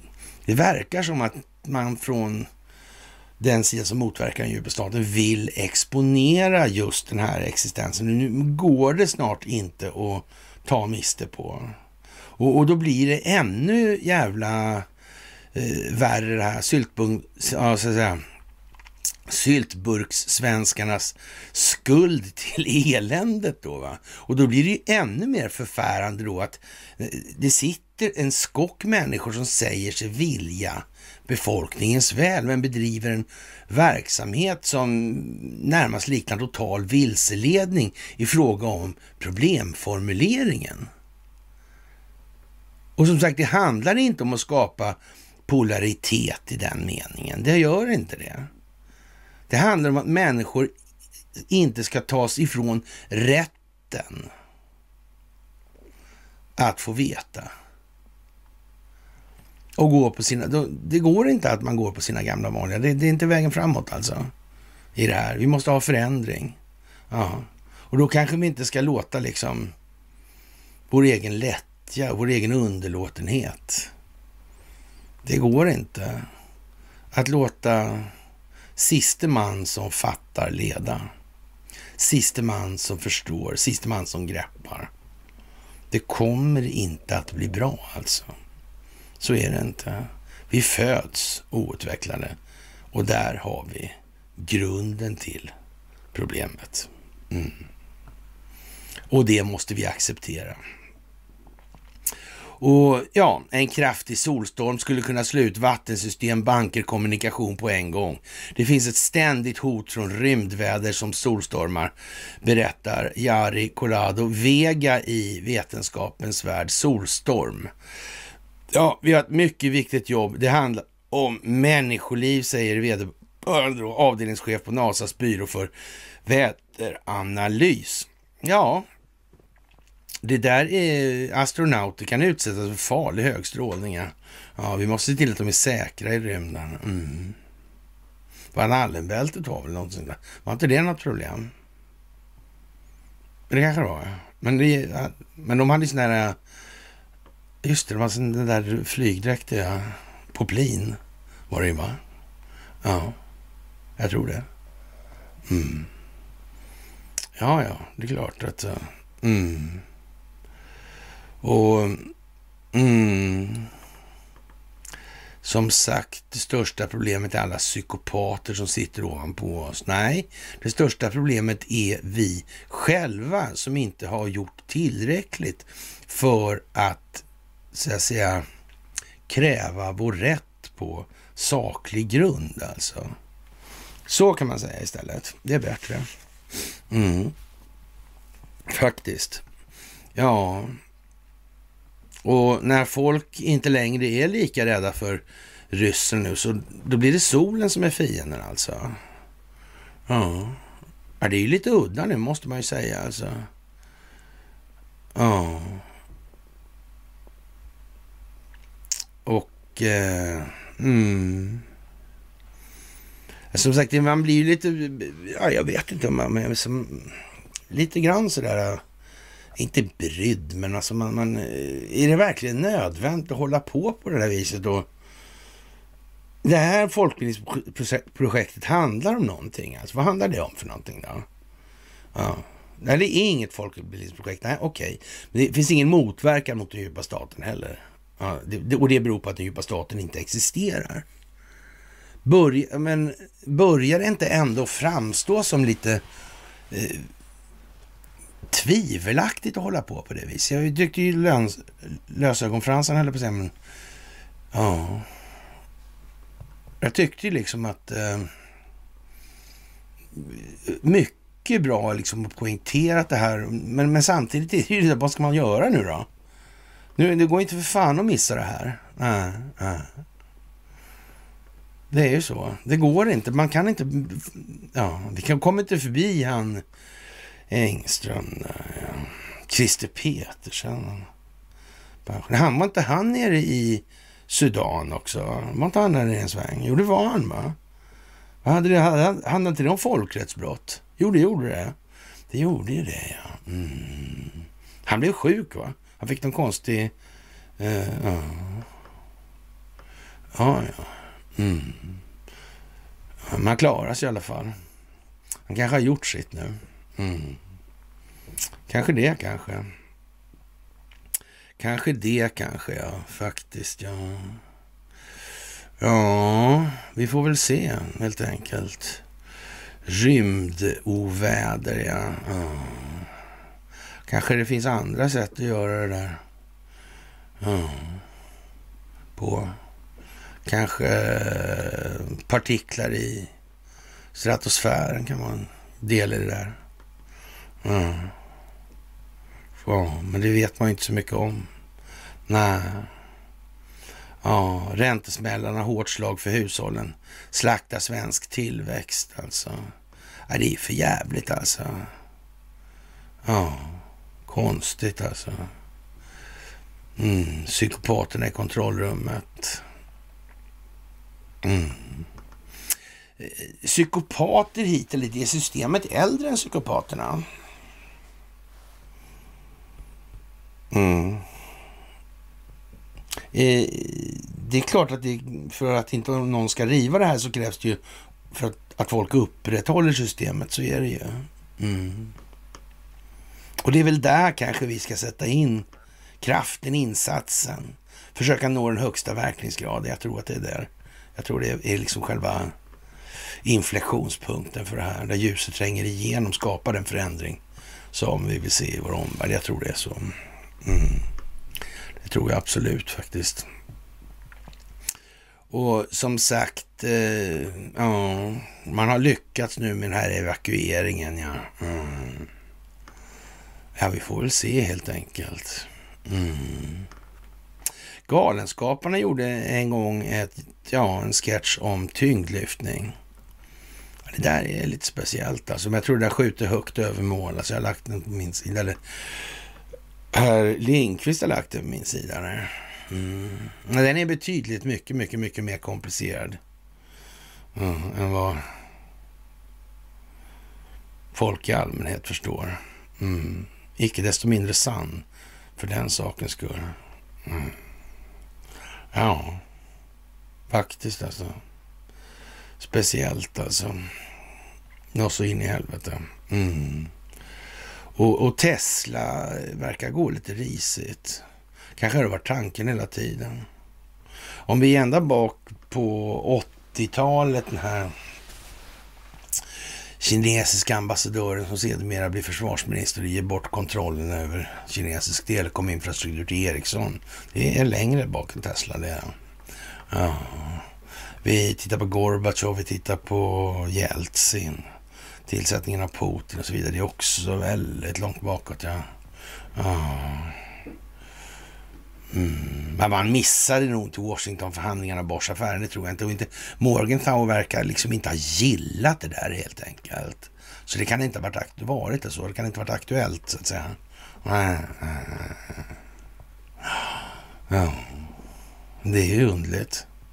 Men man, nu får man nästan dra den slutsatsen att eh, om den djupa staten existerar, alltså bara om, hypotetiskt, då borde det nog även vara på så vis att det finns en motverkande kraft. Mm. Och finns det en motverkande kraft omvänt då, så måste det ju ha någonting att motverka. Vad kan det vara liksom? Mm. Ja. Och då är det frågan om hur länge har planeringen, ja den har ju ägt rum, ska vi säga från den svenska syndafloden i Polens fall. De borde ha klart för sig ungefär vad det som kom vällande. De säger att det var den svenska syndafloden. Jag tror det. Brittiska professorer i spelriggning. De har klart för sig att Stockholmsbyråkraterna har förstört livet för inte bara Europas befolkning de senaste 350 åren. Mm. Förstår de han överhuvudtaget? Men det har ändå varit på, jag vet inte, konstigt alltså. Konstigt. Mm. Udda. John Eriksson och bråtpropellern. Slaget vid Hampton Roads. Ja, Monitor och Merrimack. Jag tyckte liksom Merrimack var ganska frän. Hon såg lite ut som eh, Nelsons fregatt. Va? Victory, va? Hon var, inte så, hon var svartvit sådär tycker jag. Samma sak med Krusenstern, ryskarna, fullriggaren. Var också så svartvit tyckte jag var skittufft när jag var liten. Mm. Monitor, hon verkar mest sjunkfärdig liksom. Man såg på filmen, filmen i alla fall. Mm. Det är för fan bara näsan som stack upp över vattnet på besättningen. Stod under vattnet. det var rena ubåten det där alltså. Ja, tycker inte jag var något coolt. Ja. Men ändå alltså. Ja, John Eriksson ja. Mm. Kameva. Pöjkarna. Nej, inte bara pojkar där Karlstad. Det var sex blinda pojkar från Karlstad som under en solförmörkelse ser ut. Ja, var det Jag var på hajk alltså. Mm. Det hade inte med det där att göra kanske. Men Karlstad Mekaniska Verkstad hade i alla fall med Karlstad att göra. Mm. Kamera. Propellrar. Mm. Titanic. Hm. Det var också någonting med propellrar. Det var olympisk propellrar va? Ja, det var någonting med Titanics, de här, hon hade fyrbladigt eh, ja, på mittsnurran där enligt några uppgifter. I den andra uppgiften så hade hon inte det. Det var ju svårt det där att avgöra riktigt. Ja. Det beror ju på perspektiv de här grejerna alltså. Mm. Men babordsaxeln i alla fall, den var ju rak. Men det var lite si och så med styrbordsaxeln här för mig efter det där med Hawk. Va? Det var lite hawkish. Liksom. Mm. Ja, ja, men det var ju andra som... Uh, hawkish, ja. JP Morgan. Mm. Mitchell.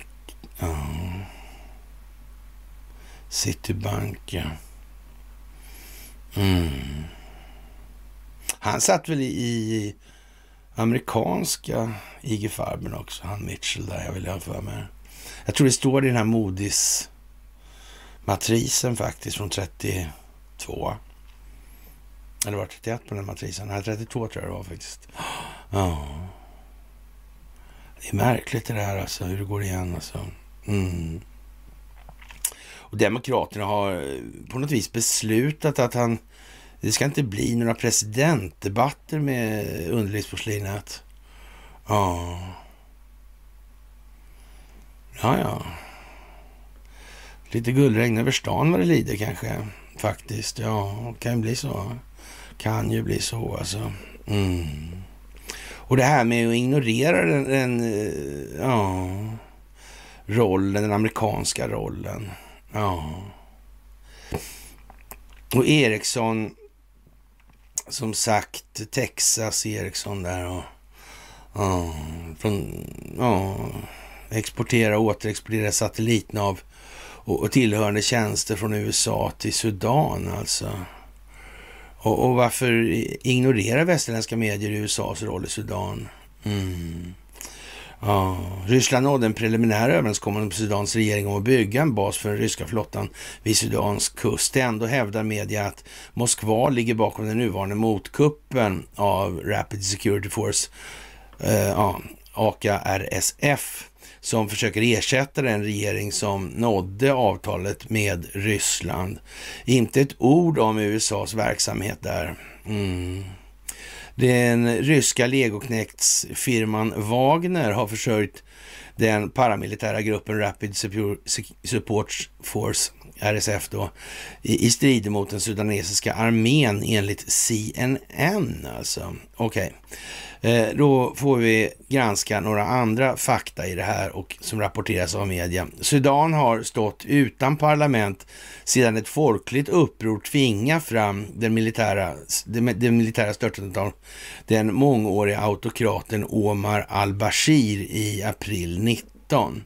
Landet har varit fast i ett politiskt kaos sedan en militärkupp i oktober 21 spårade ur de här konservativa kortlivade övergångarna till demokrati alltså. Och, och, det är klart att där tror jag inte man har det här riktigt stora underlaget för självstyre än. Alltså. Jag tror det verkar svårt. Alltså. Det, det är nog för dåligt helt enkelt för att det ska gå att släppa på. Det måste nog till ett internationellt fögderi i den meningen alltså. Och det här måste skötas under öppna och transparenta former för att inte korruptionen ska slå rot i det här. Så är det alltså. Och frågan är då eh, för svenskt vidkommande, är vi att betrakta som en totalt failed state? Eh, eh, eller det här ja, fögderiet eller förmynderiet som vi är under nu? Vad, vad utmynnar det i för någonting? Mäter man det man tror? Kan det vara så? Det kan det nog vara. Vi ska inte släppa den tanken alltså. Och, och, och, då tror jag att vi gör bra i att så att säga agera på de avarter som finns även inom vårt eget land som motverkar att man så att säga välter ur eller tvättar ur den djupa staten eller att man dränerar träsket eller hur man nu vill uttrycka det där. Mm. Det är nog så.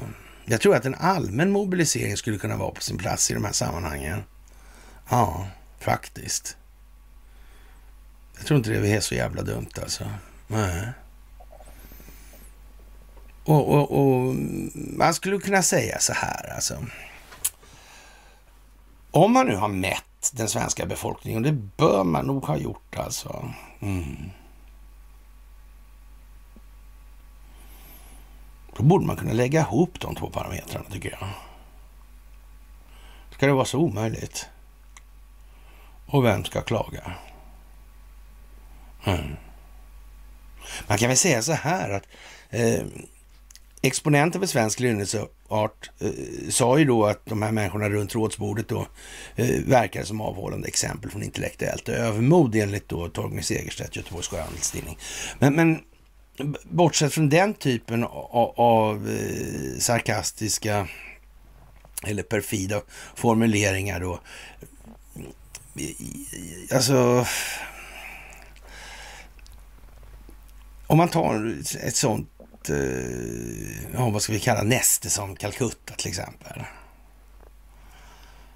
När folk inte ens... Först så står det att resten av kommunledningen är inblandad.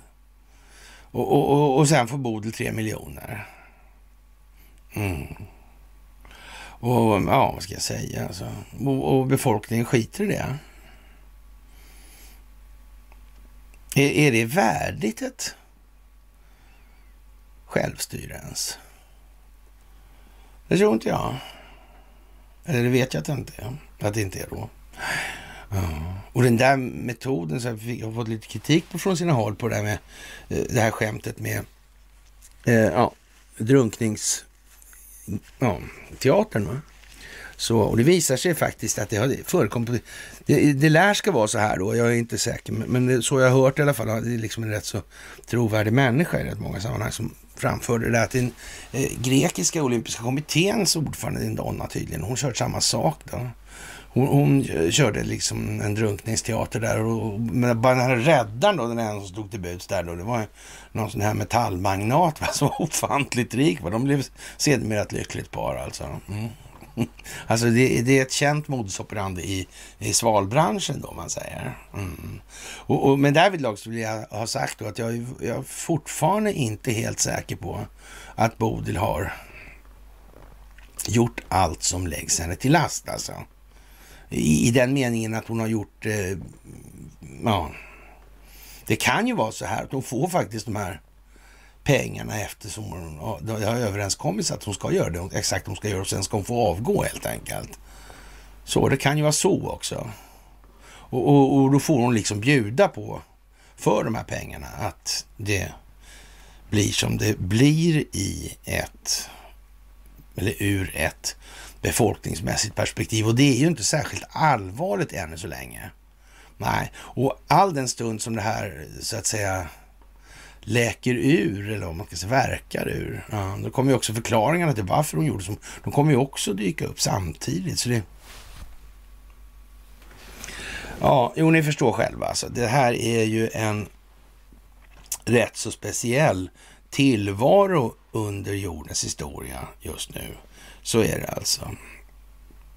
Ja, och eh, Sudans styrande militär avslutade en översyn av ett avtal med Ryssland om att bygga en flottbas alltså. Ja. Och, och det sa man i lördags alltså. Mm, det slöt, eller gjorde klart det här alltså. Mm. Och Och eh, ja, de sa att antal, avtalet väntade på bildandet av en civil regering och ett lagstiftande organ som ska ratificera det innan det träder i kraft. Alltså det går ju inte då. Avtalet tillåter Ryssland att sätta upp en flottbas med upp till 300 ryska soldater och att samtidigt behålla upp till fyra ja, flottans fartyg inklusive kärnkraftsdrivna i den strategiska Port Sudan vid Röda havet. Mm. Ja, ja, ja.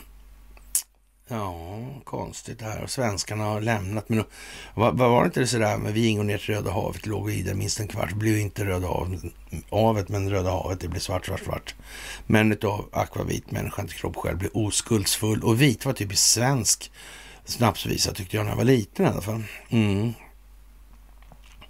Ja, basen ska säkerställa ryska flottans, när, flottans närvaro i Röda havet och Indiska oceanen och bespara dess fartyg behovet av långa resor för att nå området enligt Viktor Bondarev, den tidigare ryska flygvapenchefen alltså. Ja, och, och i utbyte ska alltså ja, Ryssland tillhandahålla Sudan då med vapen och militär utrustning och det ska gälla för 25 år med automatiska förlängningar i tioårsperioder om ingen av parterna motsätter sig det. Alltså.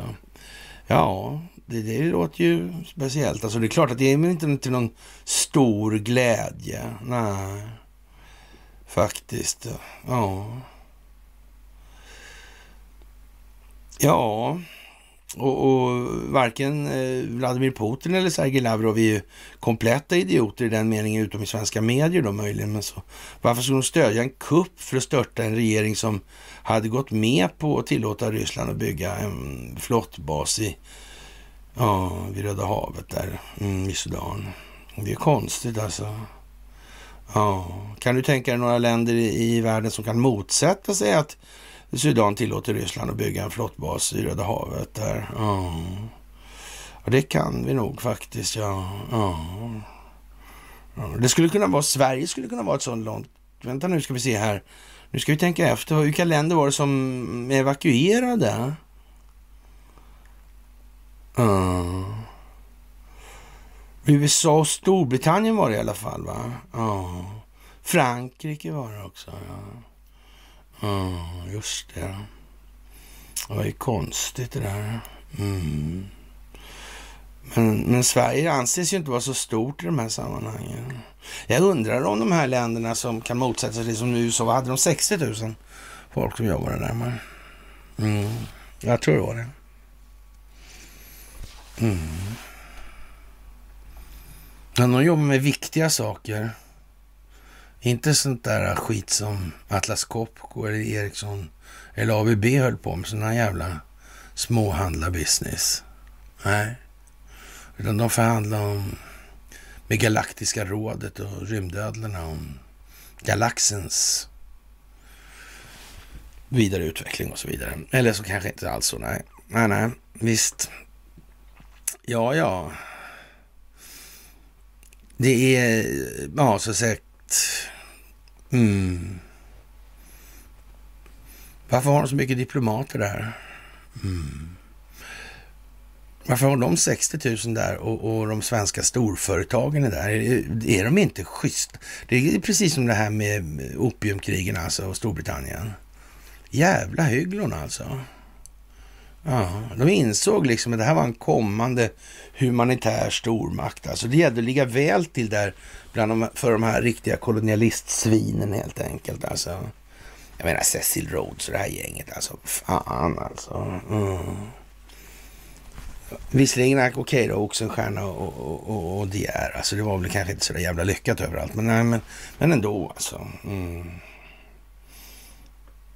Ja, De sålde i alla fall kanoner till Japan och sådär på tidigt stadium. Kanske jättetidigt stadium till och med. Uh, och så höll de ju på med lite slavhandel, men det var skitsamma kanske. Jag vet inte. Uh. Ja, ja. Ja. Och varför skulle Ryssland uppmuntra till kaos och kaos och kaos och död i Sudan när de är upptagna med den här särskilda militära operationen i Ukraina? Uh. Och det blir mycket omstruktureringar och förändringar i Ukraina. Ja. Och nu kommer ju den här hemska motoffensiven också. Mm. Ja. Granater, granater, granater. ja, ja, ja, ja. Ja. Ja. Det är, ja.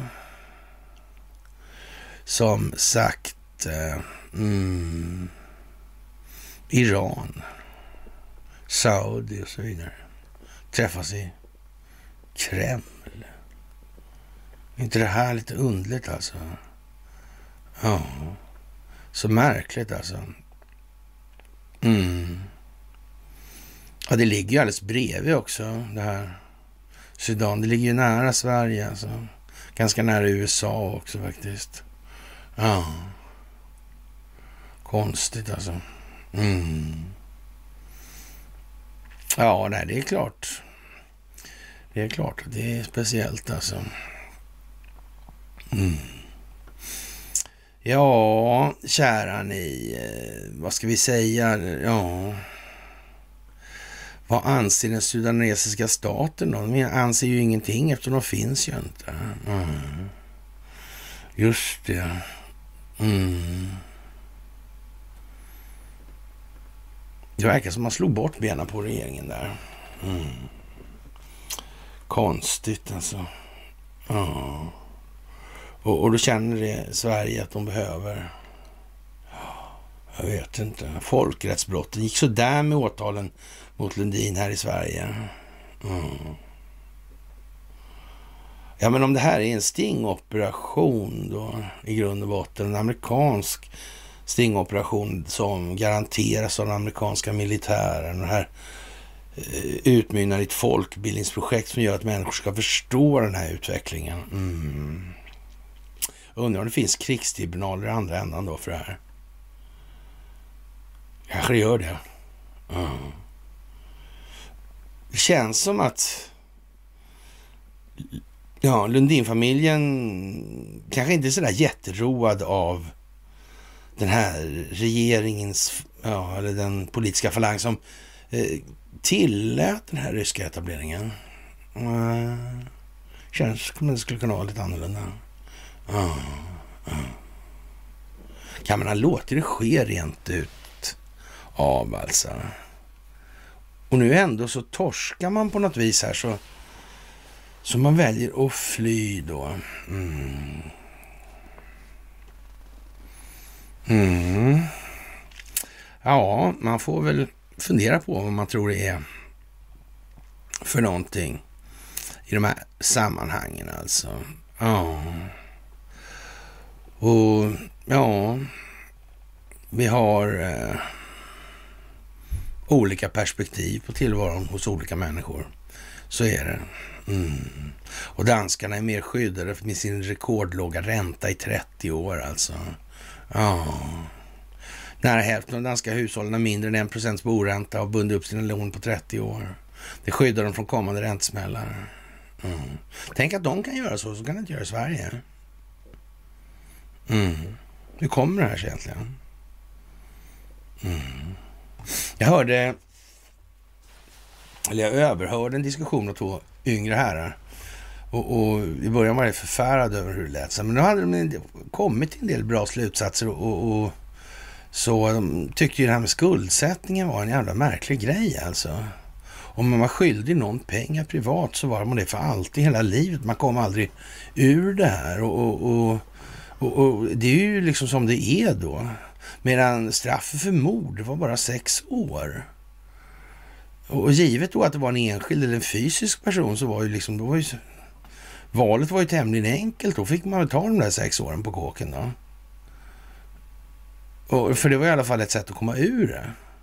Och det kanske säger lite grann om när man har ett system där enskilda skulder och dessutom är det ju i det svenska fallet också att det är ju aktiebolag det handlar om det här. Det blir ju ännu mer skruvat. Faktiskt. För det här är ju liksom en vinkel på spaken som kanske inte man kan man inte skriva eller berätta för morsan liksom. Uh, nej, men de tänkte mularna, ja, men för liksom, det är mycket billigare att ta de där sex åren alltså på kåken. Uh. Det är ju liksom, ja man kan väl göra det så smärtfritt som möjligt och sådär och sådana grejer också då. Lägga in det för lindringens skull, alltså säga det här är en kalkylerad grej därför att vi vet ju alla hur det här systemet fungerar och då måste man ju så att säga, göra sina överväganden i akt och mening alltså. Mm. Det blir ju lite konstigt nu alltså. Mm. Det blir lite konstigt. Borde få folk att tänka efter. Mm. Ja, fantastiskt, fantastiskt såklart alltså. Ja, och eh, ja. Det är regeringen som företräder Sverige inom EU. Mm. Men regeringen måste ha stöd i riksdagen för att den ska ställa sig i olika EU-frågor. Ja, det är klart. Men det beror ju lite på där om vi har någon... Eh, mm, har vi en krigsdelegation till exempel? Ja. Efter ett, riks, efter ett riksdagsval bestämmer riksdagen efter förslag från partierna vilka ledamöter som ska sitta i EU-nämnden. Sedan valet 2018 består nämnden av fem socialdemokrater, fyra moderater, tre sverige Demokrater, en centerpartist och en vänsterpartist, en kristdemokrat, en liberal och en miljö miljöpartist. Mm. Hur Är det samma fortfarande? Ändrar de det här på något vis eller?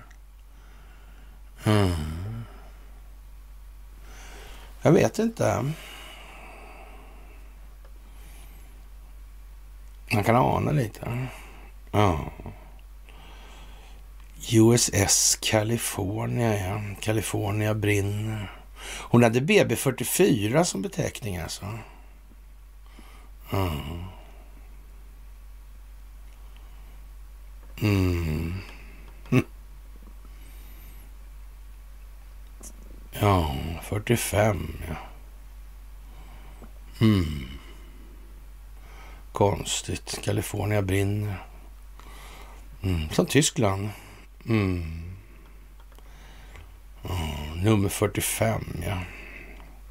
45 presidenten kanske. Oh. Just ja. Mm. där ja. Colorado, ja. Hm. Ja. Och rymdinternetpriset på Starlink alltså. Ja och ner. Vad ska det bli av allt det här? Alltså, det är ju konstigt. Ja, kära ni, vilken härlig början på veckan alltså. Det måste man ändå säga. Och vi har så mycket mer att se fram emot. Inte bara baltstaternas ilska mot kinesiska ambassadörers utspel. Åh nej, det räcker ingenstans den här veckan, det kan jag lova er. Det kommer att bli helt otroligt alltså. Ja, det kommer att bli. Och eh, som sagt, gränskontrollant åtalas, underlät och rapportera en kollega. Det här med visselblåsarna, hur fan funkar det alltså? Och om det är nu absolut sekretess och såna grejer, hur funkar det då? Ja. Det där är konstigt. Hur blev det med de här lagarna egentligen? Och de här visselblåsarna, ligger det ovanför, ligger det under eller är det styrande eller hur fungerar det där? Tänk om de beslutar vilka galenskaper som helst. Vad ska man göra då? Om man inte får säga något? Blir lagen strängaste straff? Det verkar som hela det här bygget handlar om Ja, det handlar om svenska rättssystemet. Men vad är det för konstigt bygge egentligen? Vad är det för manick? Det är en makalös manick verkar som. Ja, tack och lov att det inte finns fler. Ja, det finns inte dess make, nej. Det gör det inte. Med det, kära vänner, tror jag vi, ja, vi gör ett marschanträde helt enkelt. Och den, för den kommande veckan. Och ja, hörs vi inte imorgon så hörs vi i alla fall senast på onsdag. Och med det får jag önska er en väldigt trevlig måndagkväll.